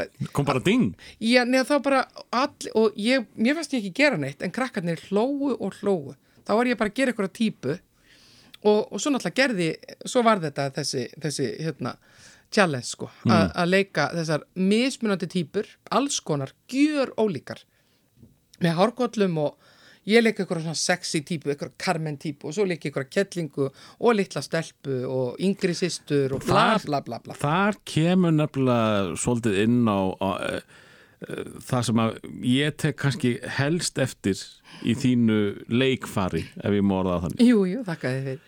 Að því þú getur verið gíða sól sem að mér finnst uh, uh, ég, ég ætla nú ekki að reyna að móðga þið mikið en mér finnst hún ekki mjög sexy. Ég ætla bara að segja það. Nei, það, en svo hún er langt frá því ég svo getur sett á þið varalit Já, og þá ertu bara einhver sensual sko mest sexy gæla í heimi. Nei, bara, sko, bara með einu varalitið eitthvað skilur þakkaði fyrir. þú þarft ekki að gera mikið til þess Nei, þetta er, greiða þér og varalitur já, þetta er bara, en þetta gerðist þarna og þarna er ég voða þakklátt mm. Stefáni Baldusunni sem að vara leikstýr okkur að, að kasta mér í þessa, þessar innan gæsalappa aukaröllur að það var þetta þessi hæfileika að bregða mér í allra kvikinda líki. og, og þá fórstu all in í það Já, þá Já. allt í einu, sko, þegar ég komst yfir sjálfa mig, skiluru, eitthvað, æ, þegar maður verið ákveða, ég verði að vera aðalað eða eitthvað. Kom, bara komast yfir sjálfan sig, skiluru, og bara fara að leika sér. Og þá bara allt í einu svona nýs, þá, þá, var bara þetta mitt svona forte, mín, mín styrkur, Já. svo ég tali íslensku. en, en uh, einhvað af þessum hlutverkum voru komísk Já, en ekki öll átta nei, nei, Nei. það var líka eitthvað drama. en þetta kveikti eitthvað í komískri helgu eða hvað Já, það, eh, já, sko, að vísu, svo, svo útskrifast ég og fyrsta rullan sem ég fæ er, ég byrja bara að æfa um leið og ég, sérst, vorið sem ég útskrifast, byrja að æfa í þjóðleikúsinu Mm. og uh, hérna, og það var, það var bara svona venjuleg kona, svona ung kona sem að var ólétt og, og, og hérna, já, uh, lítið fjölskyldufyrirtæki hérna mm. og, og hérna, það var svona svört komedía og þar, þar var ég ekkit endilega fyndin. En leik það þann vetur í þjóðleikúsinu en síðan næsta rulla þá var leik ég í farsa. Í, í, hérna, e, í borgarleikúsinu í alveg svona stuðfarsa einhvers já, já, fló og skinni. Já, já. og þá leik ég Eugenie sem að er búið að taka búin að sína miljónsunum í alls konar uppfæslum já, já, já, já, fló og skinni sko, uh, hérna, og, og þá leik ég Eugenie í svona lata þjónustúlku mm. og það var grín en það var þetta farsi, sko, og hvernig leiðir með það? ágætlega gaman. Ógeðslega gaman? Já, uh, sko, miða við þessa ungu óléttu konu. Já, bara svona, svona frekar alvarleg. Já, uh, fara úr henni yfir í, yfir í fassan já, hvernig var það fyrir Helgu? það var bara mjög gaman en það náttúrulega sko lítið fjölskyldu fyrirtæki þetta var sko lík, samt sko svört komedía, Mm. það var líka komedía en ég var ekkit endilega með eitthvað grínrullu Mm. sko. Það var svona, já en já, svo bara byrjar alls konar skilur, svo bara er ég að leika alls konar rullur. Og eftir að þú útskrifast ertu þá bara að leika? Þarftu ekkert að, að, að fara hinga og þanga í yðn og í sætavísin eða? Nei, nei, nei, þá er ég löngu hætti. Já, þá byrjaði ég bara að leika í þjóðleikúsinu og svo í borgarleikusinu já það er sem sagt það er brjála, það, það var ekki eins og hérna stjúpmóðin talaðum að, að þú fengir engin hlut þú fannst bara Nei. beint í já, já, bara vorið sem ég útskrifaði já, og og, já, sagt, e, bara fyrsta árið í þjóðleikúsinu og svo borgarleikúsinu og var þar alveg meira minna. Mm. og um, mitt fyrsta rullan hérna, Eugenie um, uh, hún löð þjónustustúlka á Hotel Kísulnóru Kísulóru, eitthvað svo leiðis og pappi lék hótelstjóran og léka móti honum Jón Hjartason, leikari. Og stjúpmáma mín Ragnarður Tryggvadóttir, hún lék líka í þessu vorum öll þrjú, það var mjög gaman og já, svo bara veist kom bara hver rullan á fætur annar. Svo var ég fastráðan á tímabili og svo var ég líka í leikhópum. Ég var í leikhópnum Þýbilja og leikhúsi frú Emilju. Og hva, hvað var, voru þessi hópar að gera? þeir voru bara að setja upp alls konar leikrit sko, og svona bara eins og leikhópar er að gera. Mm. Uh, en svona leikhópar já. uh, þú far ekki, ekki borga fyrir það? Jú, þú veist, vorum á okkur svona styrk og fengum, Já, ok. sérst, já, Mm. um, ekkert hátt borgað, sko. Nei, nei. en svo var ég líka, þú veist, að leika í leikhúsunum inn á milli og, og ég bara vann við þetta alveg, sko. bara living the dream Já, já, algjörlega. Fljótlega, svo bara uh, ári eftir ég útskrifast, þá hefur Valger Guðjónsson samband, þá var hann að fara að gera unlingaþætti, ungmennafélagið, hétt það, og þess að héttu þeir þættir, og, þá langaði hann að gera karaktera, um, sest, Málfríðu Marta, og svo ekkert að markan, ekkert að markan. þetta, þetta er nafn sem ég mann ofsalega við og hann var svona eitthvað vandræðs hann vildi fá unga leikara sem var í svona sniðug að, uh, að spinna. Já, ringir í skólastjóra leiklæsaskólaðans og er einhver þarna sem að væri svona svolítið sniðug að- að spinna. Og hún eiginlega bara bendir á mig og Steinarmann og við förum og leikum þetta par. Og hann samti lag um okkur og, og þetta var dýrðartími Þetta var uh, Bara- vikulega í sjónvarpunni þegar ekki? Jú, jú. Var þetta hluta stundin okkar eða? Nei, á þetta var, þetta, var, þetta var sko unglingaþættir ungmennafélagið Mm. og þetta var svona uh, fyrstu svona unglingaþættirnir og svo urðu, urðu til fleiri svona þættir í kjölfarið á þessu og þetta var svo skemmtilegt við hlóum út í eitt ég og Steinarmann Mhm. og hann var svona millitrigur svona millitri og, og, og, og ofsalega ólíkur. Ég var, og, og við vorum svolítið að leika okkur sko, hann var svona töffari og ég var svona ljóðskáld og hippaleg og tók mig alvarlega. Málfríði Marta með maskaran svarta Nei, maskaran svarta, Málfríði Marta með maskaran svarta, já. Þetta var mjög skemmtilegt. Þannig að ég var alltaf að leika, það var líka sjónvarp og, og svona dúleri mm. og smá bíó og eitthvað. Hvaða bíó var það? og hérna alls konar, alls konar ég, það var engin svona aðal hlutverk Nei, það var mikið af svona lélegum bíómyndum ég leki já, en já e, e, líka frábærum, Sódóma Þú varst þar? Já, já. Það, já, svona alls konar litla rullur í, í bíómyndum. Eh, sko, af hverju kynnist maður þér kannski fyrst í ung, ungmennafélaginu? Já, sko, kannski fyrir þá sem er ekki mikið að fara í leikús. Já, veist, Já. það er á, ákveðin eh, hluti þjóðarana sem að fer mikið í leikús Já, eh, en svona til að ná þjóðinni til Já. að veist, helga braga nafnið sem er það spes að það festist já. eh, myndur ekki segja að það hafi verið ungmennafélagi? Jú, jú. Og þú veist, ungt fólk horfði á þetta og þetta var fyndið og svona, sko. Þannig að það var bara, já, mjög gaman. Og, og hvena ferðu síðan að dara við uh, fóstbræður og, og, og, það grín? Löngu setna. Löngu setna. hvað ertu þá að gera þarna í middiltíðinu? Bara, Bara leika hitt og þetta? Já, já, ég meina bara leika í leikúsunum og, og svo náttúrulega fljótlega uh, er ég, ég leik alls konar í stundinu okkar. Já, þú veist, alls konar karaktera um, sagt, já, ég man ég leik Ríkmaur og ég, þú veist, bara alls konar karaktera í stundin okkar þegar að Gunn og félags eru með hana? nei, eða nei, fyrr? nei, það er á undan Ásta, Ástarhafnildur og, og fleiri þar á undan, sko en hjá Ásturhafnildi þá bjó hún til Lóu Ókurteisu Mm. og, og, og ég leik hana og er ennþá að leika hana sko, Ráman eitthvað í hana? já, hún er, hún er hún, og svo fór hún í Söngvaborg. Já, alveg rétt, já, já. Hún er búin að vera til bara, ég veit ekki, ára tugi. Mm. og síðan náttúrulega uh, uh, voru við, uh, ég og Steinarmann voru náttúrulega trjálfarnir. Og við, við leikum þá í hvað, sjö ár í stundin okkar. Þannig ég var alltaf í stundin okkar. Já, alltaf ykkur karakterar.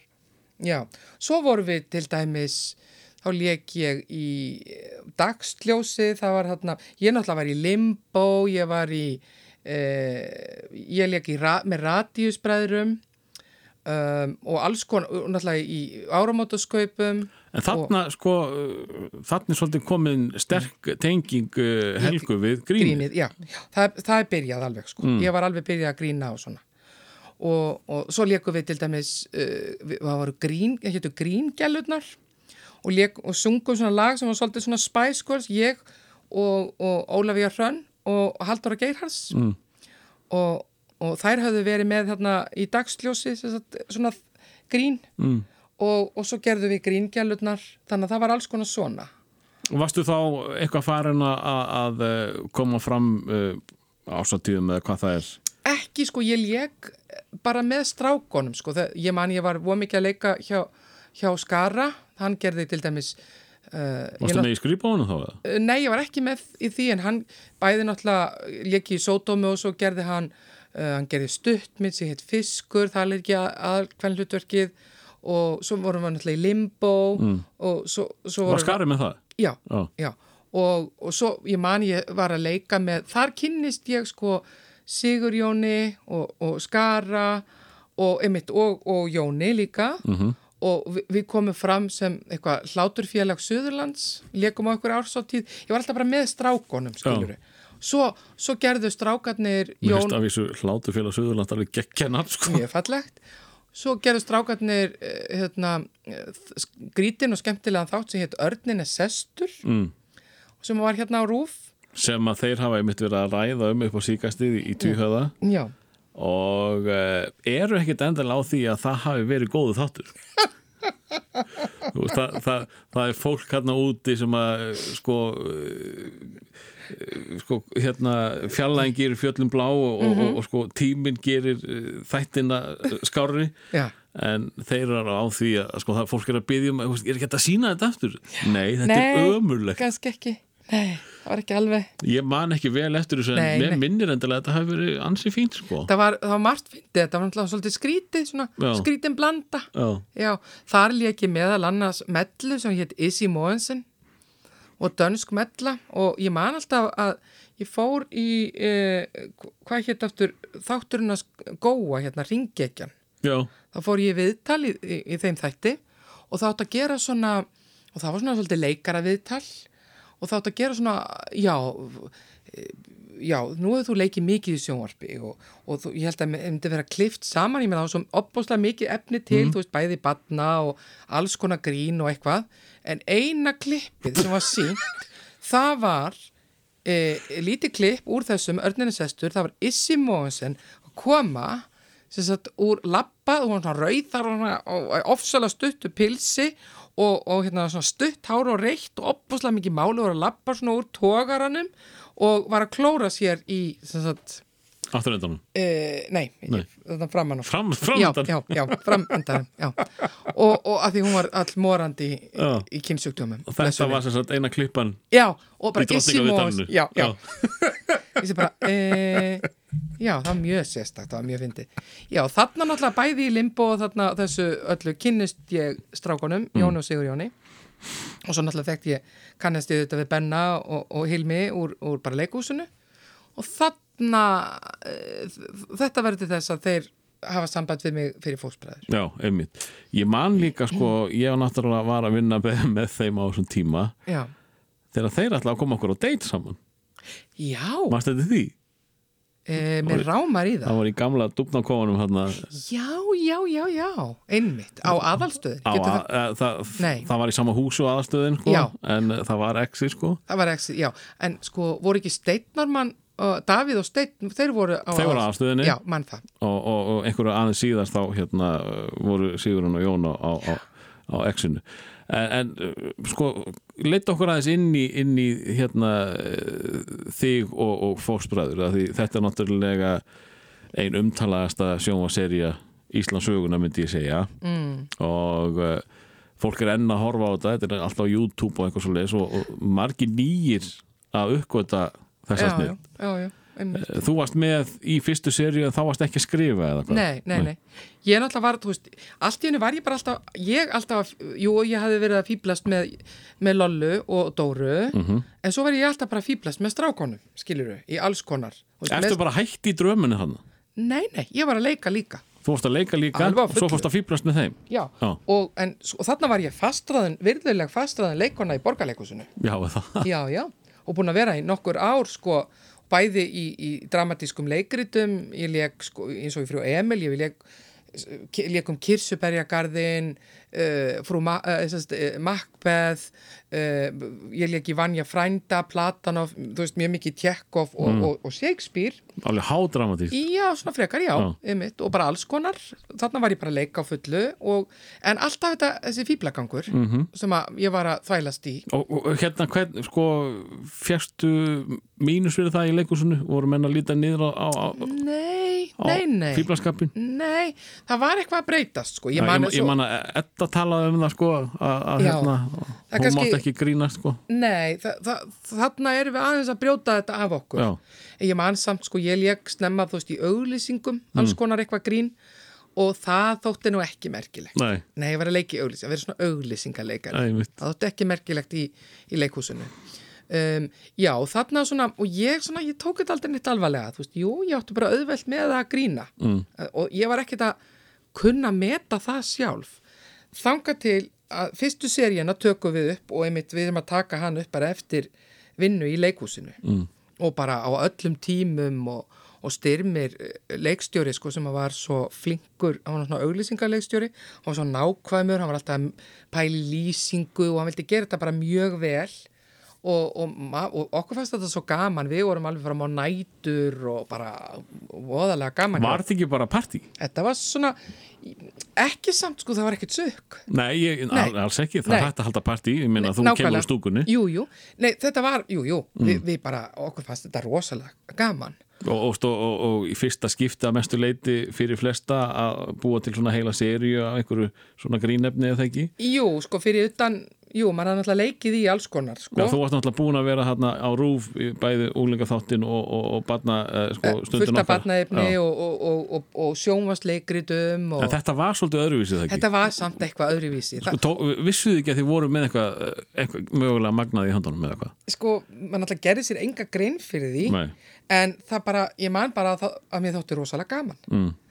Og svo bara mm, gerum við þennan uh, fyrsta þátt, eða fyrstu seríu réttar að sagt og 97 og, og þ- þú veist, það var, það var ekkert sérstök viðbröð sko, Nei, skilur við, en það var samt það var svona það eitthvað. Var, var það eitthvað Það var kvöld, sko. rosalega heitt hjá, hjá kannski uh, fáum. Já, þannig sko. En einhverju hluta vegna er ákveðið að gera aðra serju og uh, þá sem sagt mér minnir að Hilmir hafi verið að fara að, sækja, að leika bara Hamlet. Mm. og, og þetta Hi- Hilmir og Benni sem sagt uh, voru hættu að skrifa. Og þá buðuð strákarnir mér að koma inn sem skrýbend og eiginlega ég mátti bara velja minn svona skrifpartner. Já, ok. Já.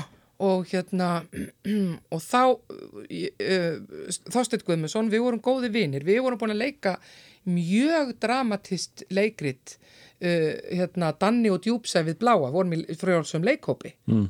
Og, og, og hann var búin að vera að vinna hafði skrifað fullt af útafsleikritum eða nokkur útafsleikrit og ég hefði leikið í þeim þannig að við erum náttúrulega svona leikaraböld mm. og búin að þekkjast sko síðan úr leiklisaskólanum En af hverju sástu fyrir að hann kynna að skrifa grín? Af því hann var til dæmis þarna að vinna á, af því hann var bara, er góður uh, penni mm. og ég vissi það og bæði þú veist að útastleikritunum og, og því bara þessum pælingum sem hann var í, hann var að vinna á auglýsingastofu -hmm. og bara flinkur penni og bara góðu vinu minn og fyndin og, Já, og voruð þið alvöru góði vinnir áður en að þið byrjuði að, Já. að skrifa saman? já, góði vinir fórum oft í bíó og vorum bara vinir, félagar sko.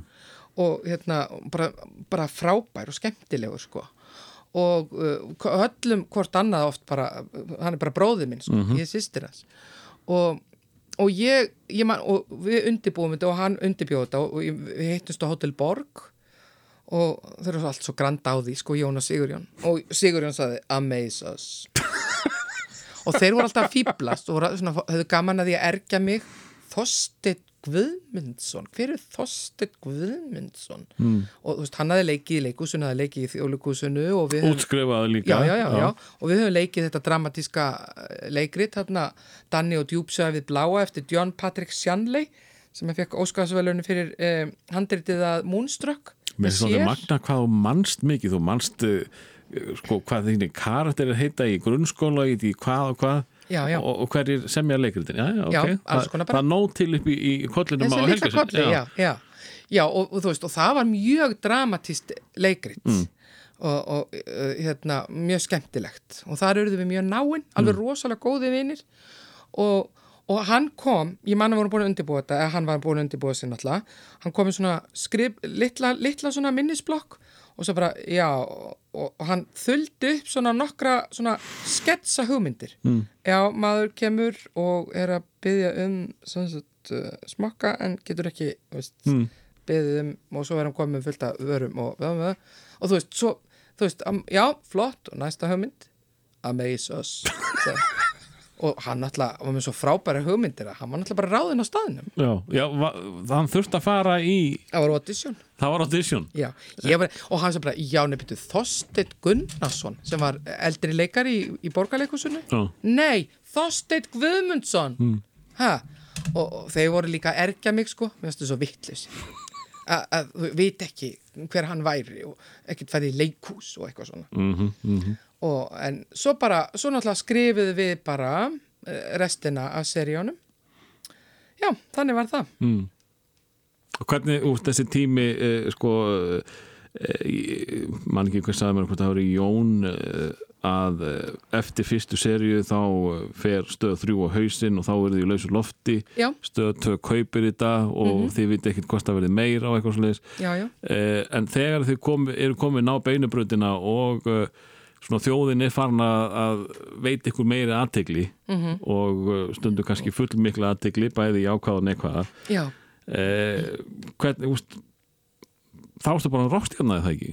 Svolítið sko, Mm. en þarna þegar ég, þeir bjóða mér að, að uh, byrja að skrifa þá bara eftir að hafa gert fyrstu seríuna bara svona eftir leikhús eftir alla leikhúsvinnuna hjá okkur þremur, Mhm. mér og Benna og Hilmi þá bara var tekin ákveðin um, og þeir gerðu það.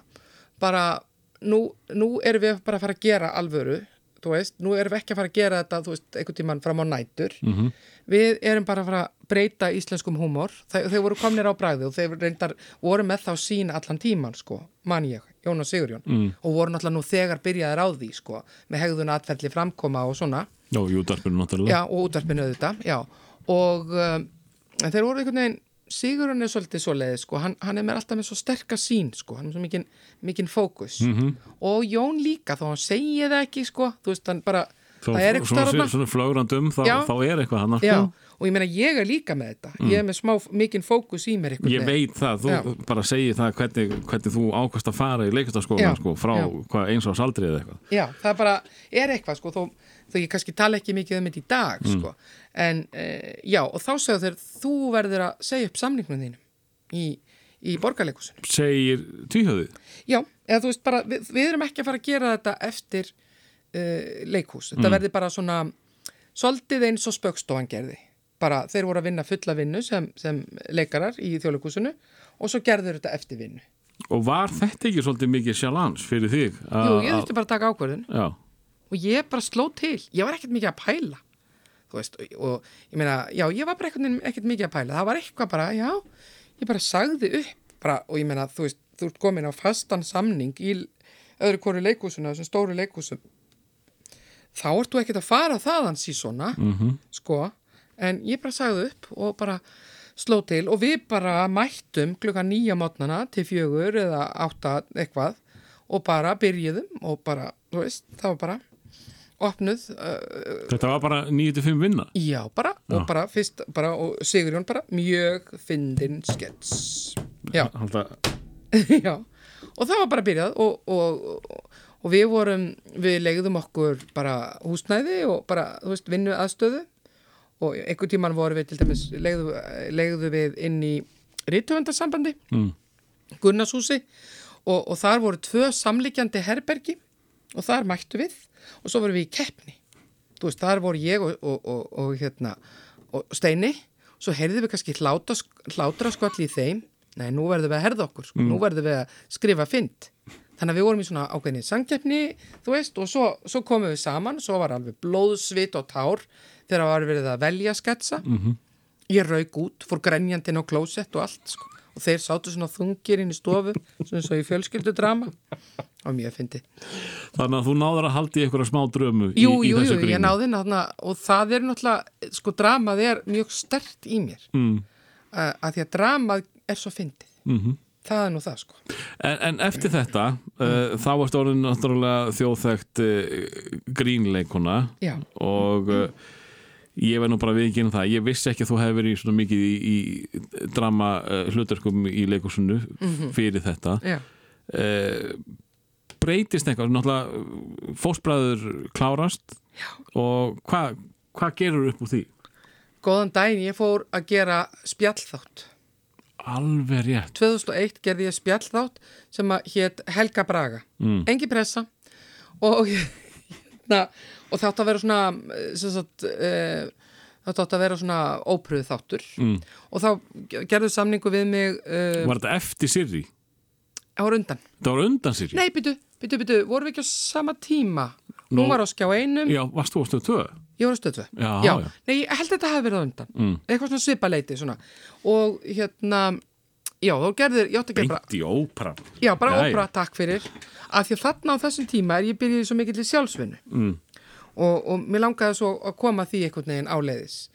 Og, e, og já, gerði sérst, átta þættir og svo bara fenguðu svo gott áhorfa þeir vildi gera meira. En þá voru við líka að klára eitthvað í fósbræðurum og svo var ég byrjuð að skemmta alveg fullu, ég byrjaði sko 98 ég átti þessi 21 ás uh, hérna, uppistandsafmæli núna um daginn Mm. ég er sko fyrsta stelpan með uppistand Já, er það ekki? Jú, það, sko Edda var ekki byrjuð í neinu svona uppistandi ég Nei. ég neytti hana til að taka gig fyrir mig einhvern, bara 99 þegar, þegar guðdóttir mín var að fæðast Mm. það var árið, þá var ég búin að vera á fullu í ár og hún sagði nei, nei, nei, nei, ég er skemmtikraftur og hafði meira verið að skemmta sem karakter og eða með sínum stráka félögum, sko grínfélögum ekki verið beint svona bara með mækin og, og bara uppistandari. Einmitt. þá var ég búin að gera það í ár. En 98 byrjaði ég að sko uppistanda. Má ég aðeins staldra þar við? Já, uh, því að þetta er búið að vera kalla heimur já, uh, definitely hérna á Íslandi Já. þar sem að þú ert svo fyrsta. Mm. Uh, og ég hef prófað þetta. Mér finnst þetta ógeðslega erfitt og, Já, já. og ég mun ekki gera þetta aftur. Hvernig var þetta fyrir þig uh, vitandi það að konur væru ekki í þessu? Þú ert að fara að uh, já, taka fyrstu skrefun á tunglinu bara. Sko um, sko, konur höfðu þetta verið að grína en, en ekki þetta form. Ekki þetta form ein með, með mikrofón og öll ábyrðin á þér að þú verði fyndin. Já, ég veit það. Sko, þarna getur ekki sem sagt, farið með einhver hlutverk eða, eða leikið leikþætti því að þú ert allt. Já, ég byrjaði náttúrulega sko, ég meina ég átti mína fyrirmyndir sem að voru náttúrulega, þú veist, Edda Björgvins, eðlilega, uh, Sigriður Þorvaldsdóttir hérna í gamla þetta, mér ást hún alltaf svo fyndin sem var með flosa, en það var náttúrulega bara þegar ég var pínu lítil sko, og svo náttúrulega Lolla, hún er náttúrulega útskrifast undan mér sko, Lo- og Lolla og Dóra og við, við skemmtum saman, en ég veit ég ein með mikrofónin. Sko ég byrjaði náttúrulega fyrsta, sko það var Þorrablót, uh, Logaland í Borgarfyrði og þá byrjaði og var með karakter, skiluru, lék vælu, svona rúsneska útgafa vælu veinolíu, svona Carmen, söng Carmen og var í svona ljótum kjól með kollu og pappabrjóst. En svo fljótlega þá bara fór ég að rífa af með pappabrjóstin en það nóga til. jú, jú, og bara fór að grína. Og að því ég átti svo góða félaga eh, sagt, náttúrulega radíusbræður. Ég, mm. ég í radíus þáttunum og þú Va- varst í flugunum? Ég var, í, eh, ég var sko í þáttun sjónvastáttunum hétt það ekki radíusflugur, nei það voru hérna útaflugur það var útastflugur, já.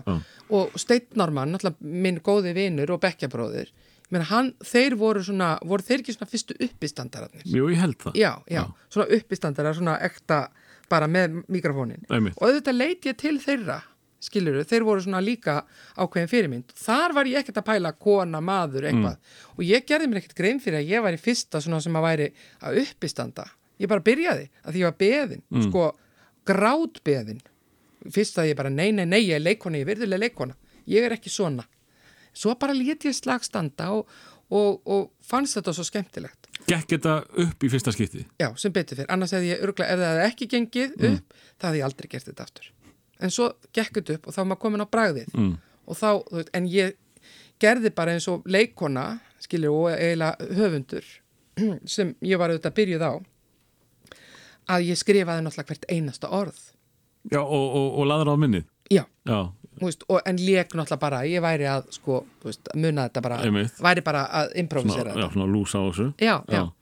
og, og uh, þannig gerði maður bara og æfið, ég man alveg eftir líka Steina Guðmunds og fór hann í þetta líka og, og þú veist, og það, þú veist, hann er alltaf búin að skrifa og, veist, upp, alvöru uppistandari eru búinir að gera það mm. skilur við, Ari Eldjarn, hann er, að, hann er að skrifa efni sitt, sko þú veist, Já, já, hann, Það- það er bara þannig.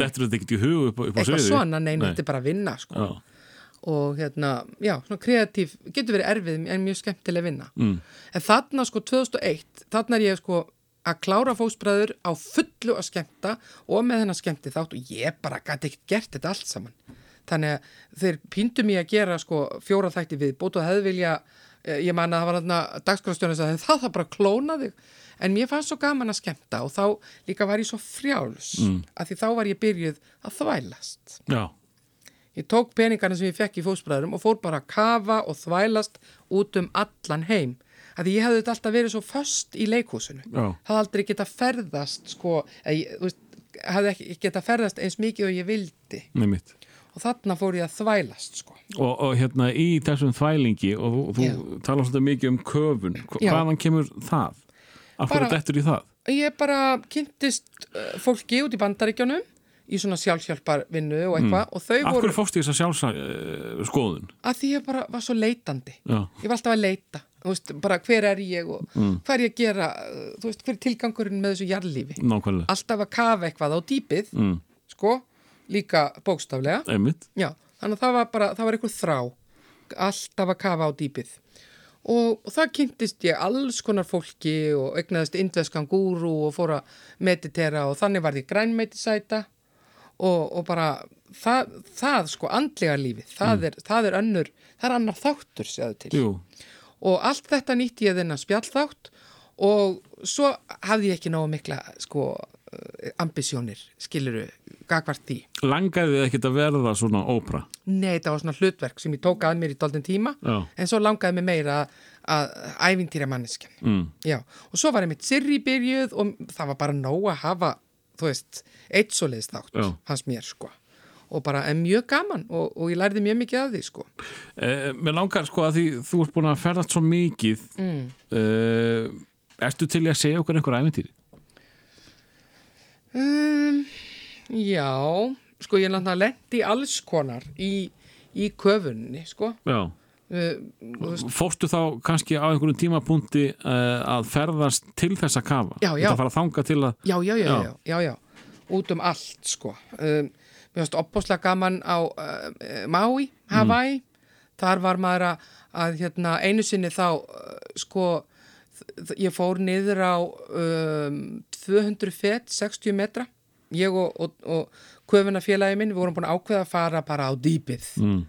og, og hann kom bara, það var bara Le Grand Bleu, bara The Big Blue bara, hann sá bara Jésús skiluru og, og eh, hérna, og ég mitt bara svona það var bara algjör ecstasy, ekki þegar ég hef prófað það en, en svona bara það var svona kick sko. Já.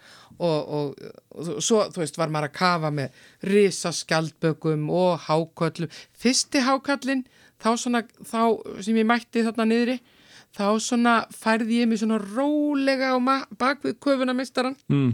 svona svo myndi um, hérna, Éta hann fyrst. já, en annars svo lærði ég það sko, þeim finnst mannakjöt ekkert sérstætt Nú, Nei, er ekki nógu feitt. Já, já. Já, þeir eru yfirleitt sko en það er þeir ekkit mikið að- að að glefsa í fólk hérna niðri, þegar maður er djúft niðri. Það er aðalega þeir eru að sko glefsa í þá sem eru að sko snorkla mm.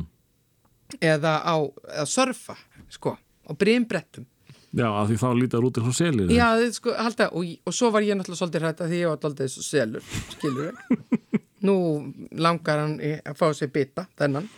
Og já, já, þannig að það bara mikil, mikil ævindýri þar, einhvern veginn Já, fara til ég fór með vinni minni sem er amerikani og mikið í svona einhverjum pælingum, við fórum til Arizona og þar fórum við eitt, eitt magnaðasta upplifun sem ég bara lendi í, það var að fara inn í Hopi Mesa Sem sem, er sko frið land Hopi Indiánana sem Já. voru svona Hopi Indiánarnir voru friðsælir og voru mjög svona andlegir.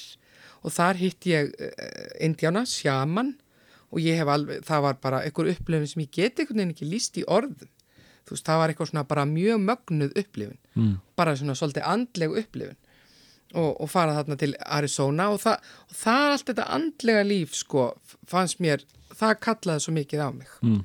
svona ævintýra mennskan og, og, og svona fara aðeins út fyrir einhvern veginn normið En þú ert sem sagt búin að vera að ferðast uh, sko til fjarlægra, fjarlægra landa uh -huh. Já, Ástralíu nokkru sinnum. Já, uh, já, út um allt bara.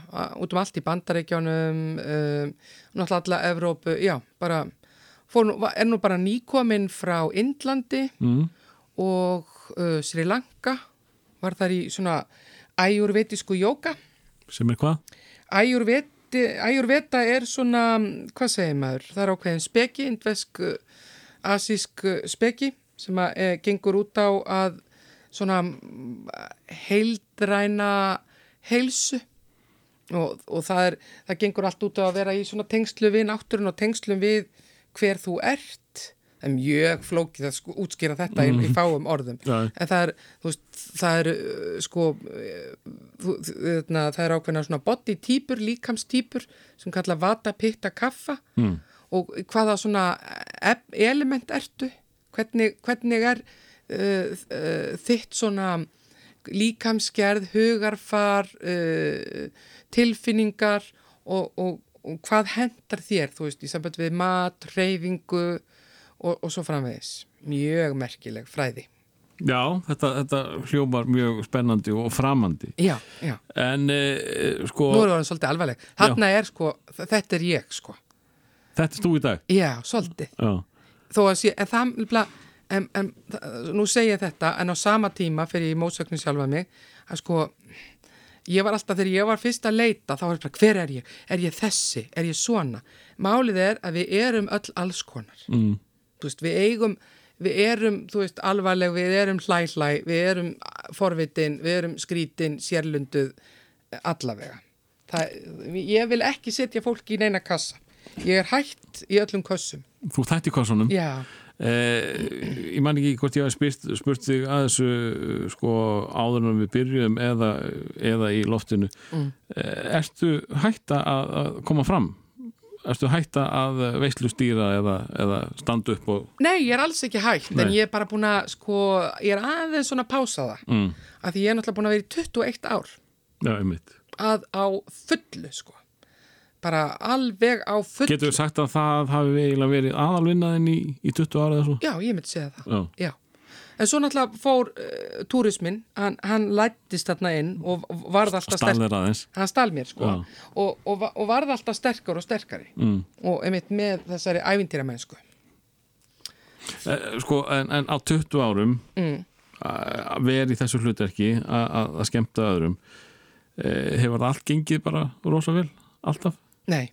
Nei? Nei, nei, það er ekki Nei, nei, Það er ég- ekki hægt. Nei, það er ekki einhvern tíman sko uh, sko fyrst líka þá er maður því fór að taka, var, tók mig alvarlega sko, þú veist, auðvitað fyrstu giggin gengur vel Mm. þess vegna þorði ég og, og held ég áfram svo man ég eftir einhvern tíman ég var það var eitthvað staður út á landi hérna básum, eitthvað staður hérna á milli hérna, uh, hver að gerðis og selfoss þar var eitthvað bílafyrirtæki og ég var með eitthvað, eitthvað, eitthvað uppistand þarna og þá, þá fekk ég svona heklara og getur ekki sagt eitthvað almenna brandara. Heyrðist svona eitthvað blind fullur kall sko. Og, og hérna Þeir eru alltaf skemmtilegir. Já, já, viltu fá glámbrandara? Og eitthvað svona. Og, og, ég, og ég var ekki nógu sterk þú veist, ég var ekki búin að koma mér upp sko, nógu mikill í svona vörn eða þú veist, satt eitthvað en ekki alveg nógu vel í þessu og ég fór bara aðeins að flýta mér, skiljuru mm. fór bara svona, hjælt bara áfram og fór bara að flýta mér og, og kláraði efni mitt og, og svona og fólk alveg klappaði en það satt auðvitað í mér þessi eini. Mhm. grenjaði ég alla helliseðina aldrei að gera þetta aftur. Þetta hefur örugglega verið fljótlega í byrjun sko. þetta hefur örugglega verið svona fyrsta giggið sem gekk ekki nógu vel sko. Já, og þá man maður það alltaf. Og, og hann er alveg fastur í minninu núna. Nákvæmlega. Og þá bara leitaði til grín, grínbróður míns sem sagt, og fyrirmynd í, í, í, í uppistandinu Steinsarmas mm. og hans, hann, hann bara kendi mér bara svona nokkra one-linera bara á svona góra á, að því það er náttúrulega þeir gerðu út á þetta radíusbreður sko bara, bara, sko ef, ef, sko, ef, hérna, ef enginn eh, heklaði þá Já. þá var giggið ekki að ganga. Já, mm. þú veist, ég bara, þú veist, bara, þú getur farið heim núna að það er búið að þrýfa búrið þitt, mm. skilur þú veist, það var alls konar. Núna er ég alveg slök, sko, mm. gagvart þessu. Þú veist, þá bara svona sit ég í mér og þú veist, þetta hefur ekki með mig að gera, heldur er það þessi manneska sem að ég segi, já, þessi þarf á aðtikli að halda. -hmm. Nú skulum við veita honum hana. Og þú veist, og svo, þú veist, já, já, þetta er maðurinn minn og þetta er mamma mín þessi fulla eða eitthvað þarna, þetta er vinkona mér og eitthvað bara, og þá er það gjöf. Já. Þannig að þá er það gjöf bara. En hvað hérna, sko, að því þú ert búin að vera svo mikið að fljúa mm. ertu þá hægt að leika? Nei, nei, nei, þú veist, ég, ég meina... Er það ekki svo erfitt eh, þegar þú ert aldrei á landinu? Jú, soldið, Já. já, auðvitað, auðvitað minna, leiki auðvitað minna, en alltaf, ég meina, við leikum alltaf borgarstjóran þarna, þú veist, Já, einmitt, einmitt. og, og, og svo gerðum við skaupið þarna fyrir 2-3 árum og, og svo leikið smá hlutverk í, í kona fyrir stríð og svona sitt lítið en auðvitað miklu minna mm. að því að ég er að fljúa svo mikið. En sko, hvernig, hvernig lætur þú vita að þér? Uh, ekkert, Baltasar, ég er alveg til. Ég er ekkert. Nei. Fólk veit hver ég er. Herðu, við ætlum að enda þetta á einu lægi sem er svona nútíma helga Samt ekki. Þa, já, sko, ég, ég En veit samt jú, jú, þetta er bara nútíma helga Þetta er eins, varst ekki bara að horfa á hann um daginn? jú, sko, ég fór bara og þetta er bara einhver fortíða þrá líka sko, auðvitað hefði ég getað komið með eitthvað skemmtilegt uh, bara nýtt lag. En bara af því að ég var að koma sko, ég fór uh, Út öll þessi hérna, sko, að vinna með sjálfa sig og, Mm. og, og, og jóka og heilun og bla bla bla. Ertu þá að hlusta á endalista akkur svona, svona nýjaldars Já, þetta er náttúrulega ekki nýjaldamúsík sko. Nei, jú, nei, nei.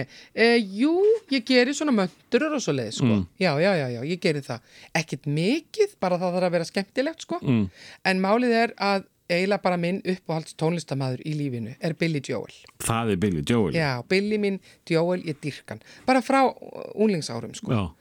og uh, þó ég nefnt John Lennon og allt það uh, og ég elska líka Elton John og Bruno Mars og þú veist, fullt, fullt, ég elska bara músík, ég hef voða mikið svona uh, hún er svo mikilvæg sko.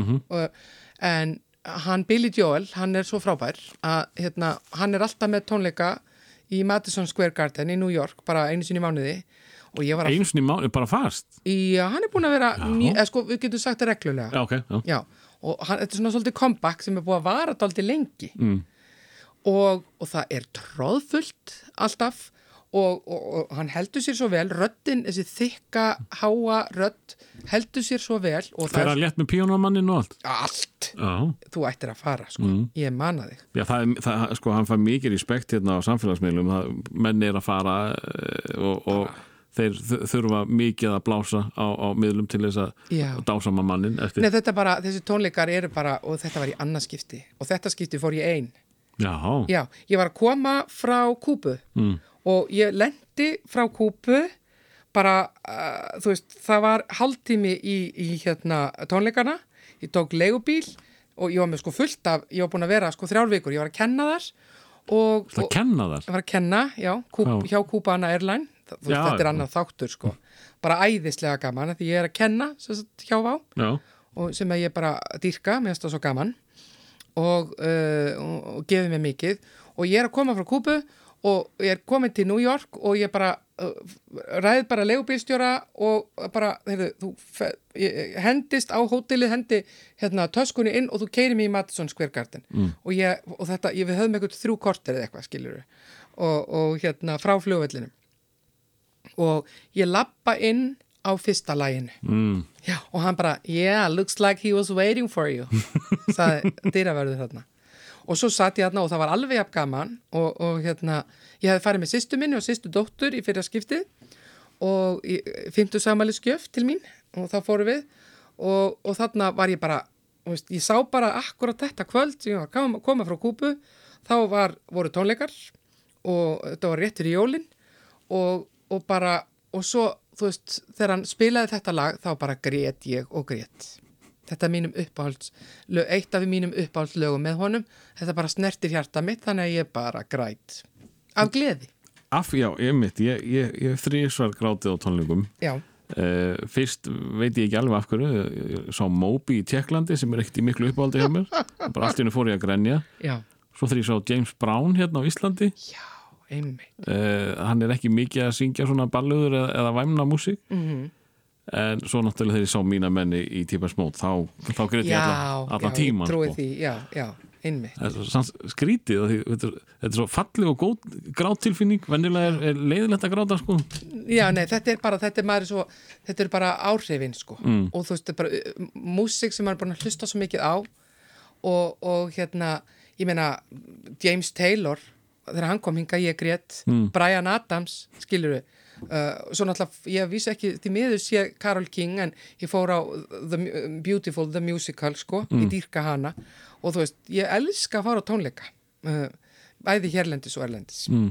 og þarna bara, líka bara f- allt þetta flýtaði mér svona frá kúpu og eitthvað og það búið að vera svo gaman og, og svona Og svolítið já, spennufall og já. ég bara grét hann og það var allt í læg, fólki við hliðina mér og stelpur hann, það bara grét allir og bara, það var gaman. Og hvaða lag var þetta sem hittu svona í mark? Þetta heitir Vienna, Vienna, já, Helga Braga takk kærlega fyrir að sita þetta með mér og, og ræða aðeins málin.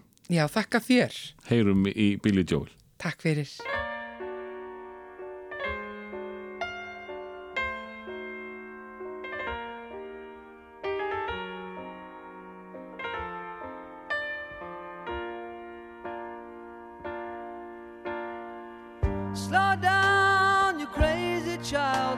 You're so ambitious for a juvenile, but then if you're so smart, tell me why are you still so afraid? Mm. Where's the fire? What's the hurry about? You better cool it off before you burn it out. You got so much to do and only so many hours in a day. Hey, told that you can get what you want or you can just get old, you're gonna kick off before you even get halfway through. Ooh, when will you realize Vienna waits for you?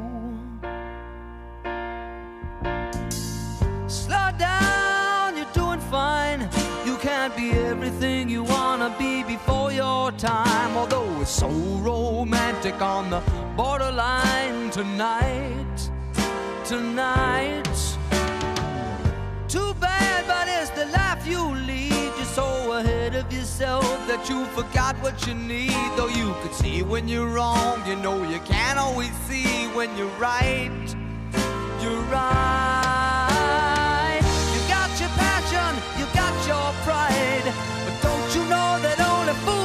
Satisfied? Dream on, but don't imagine they'll all come true. Ooh, when will you realize Vienna waits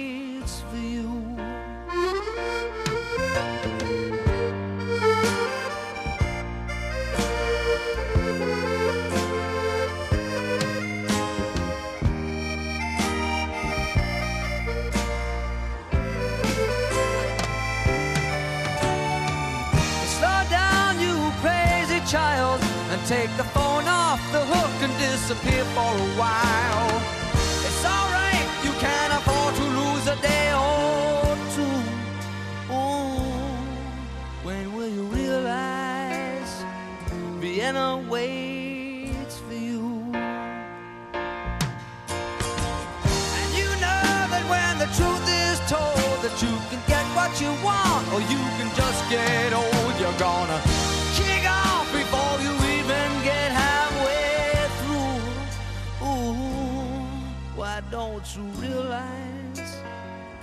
Vienna waits for you?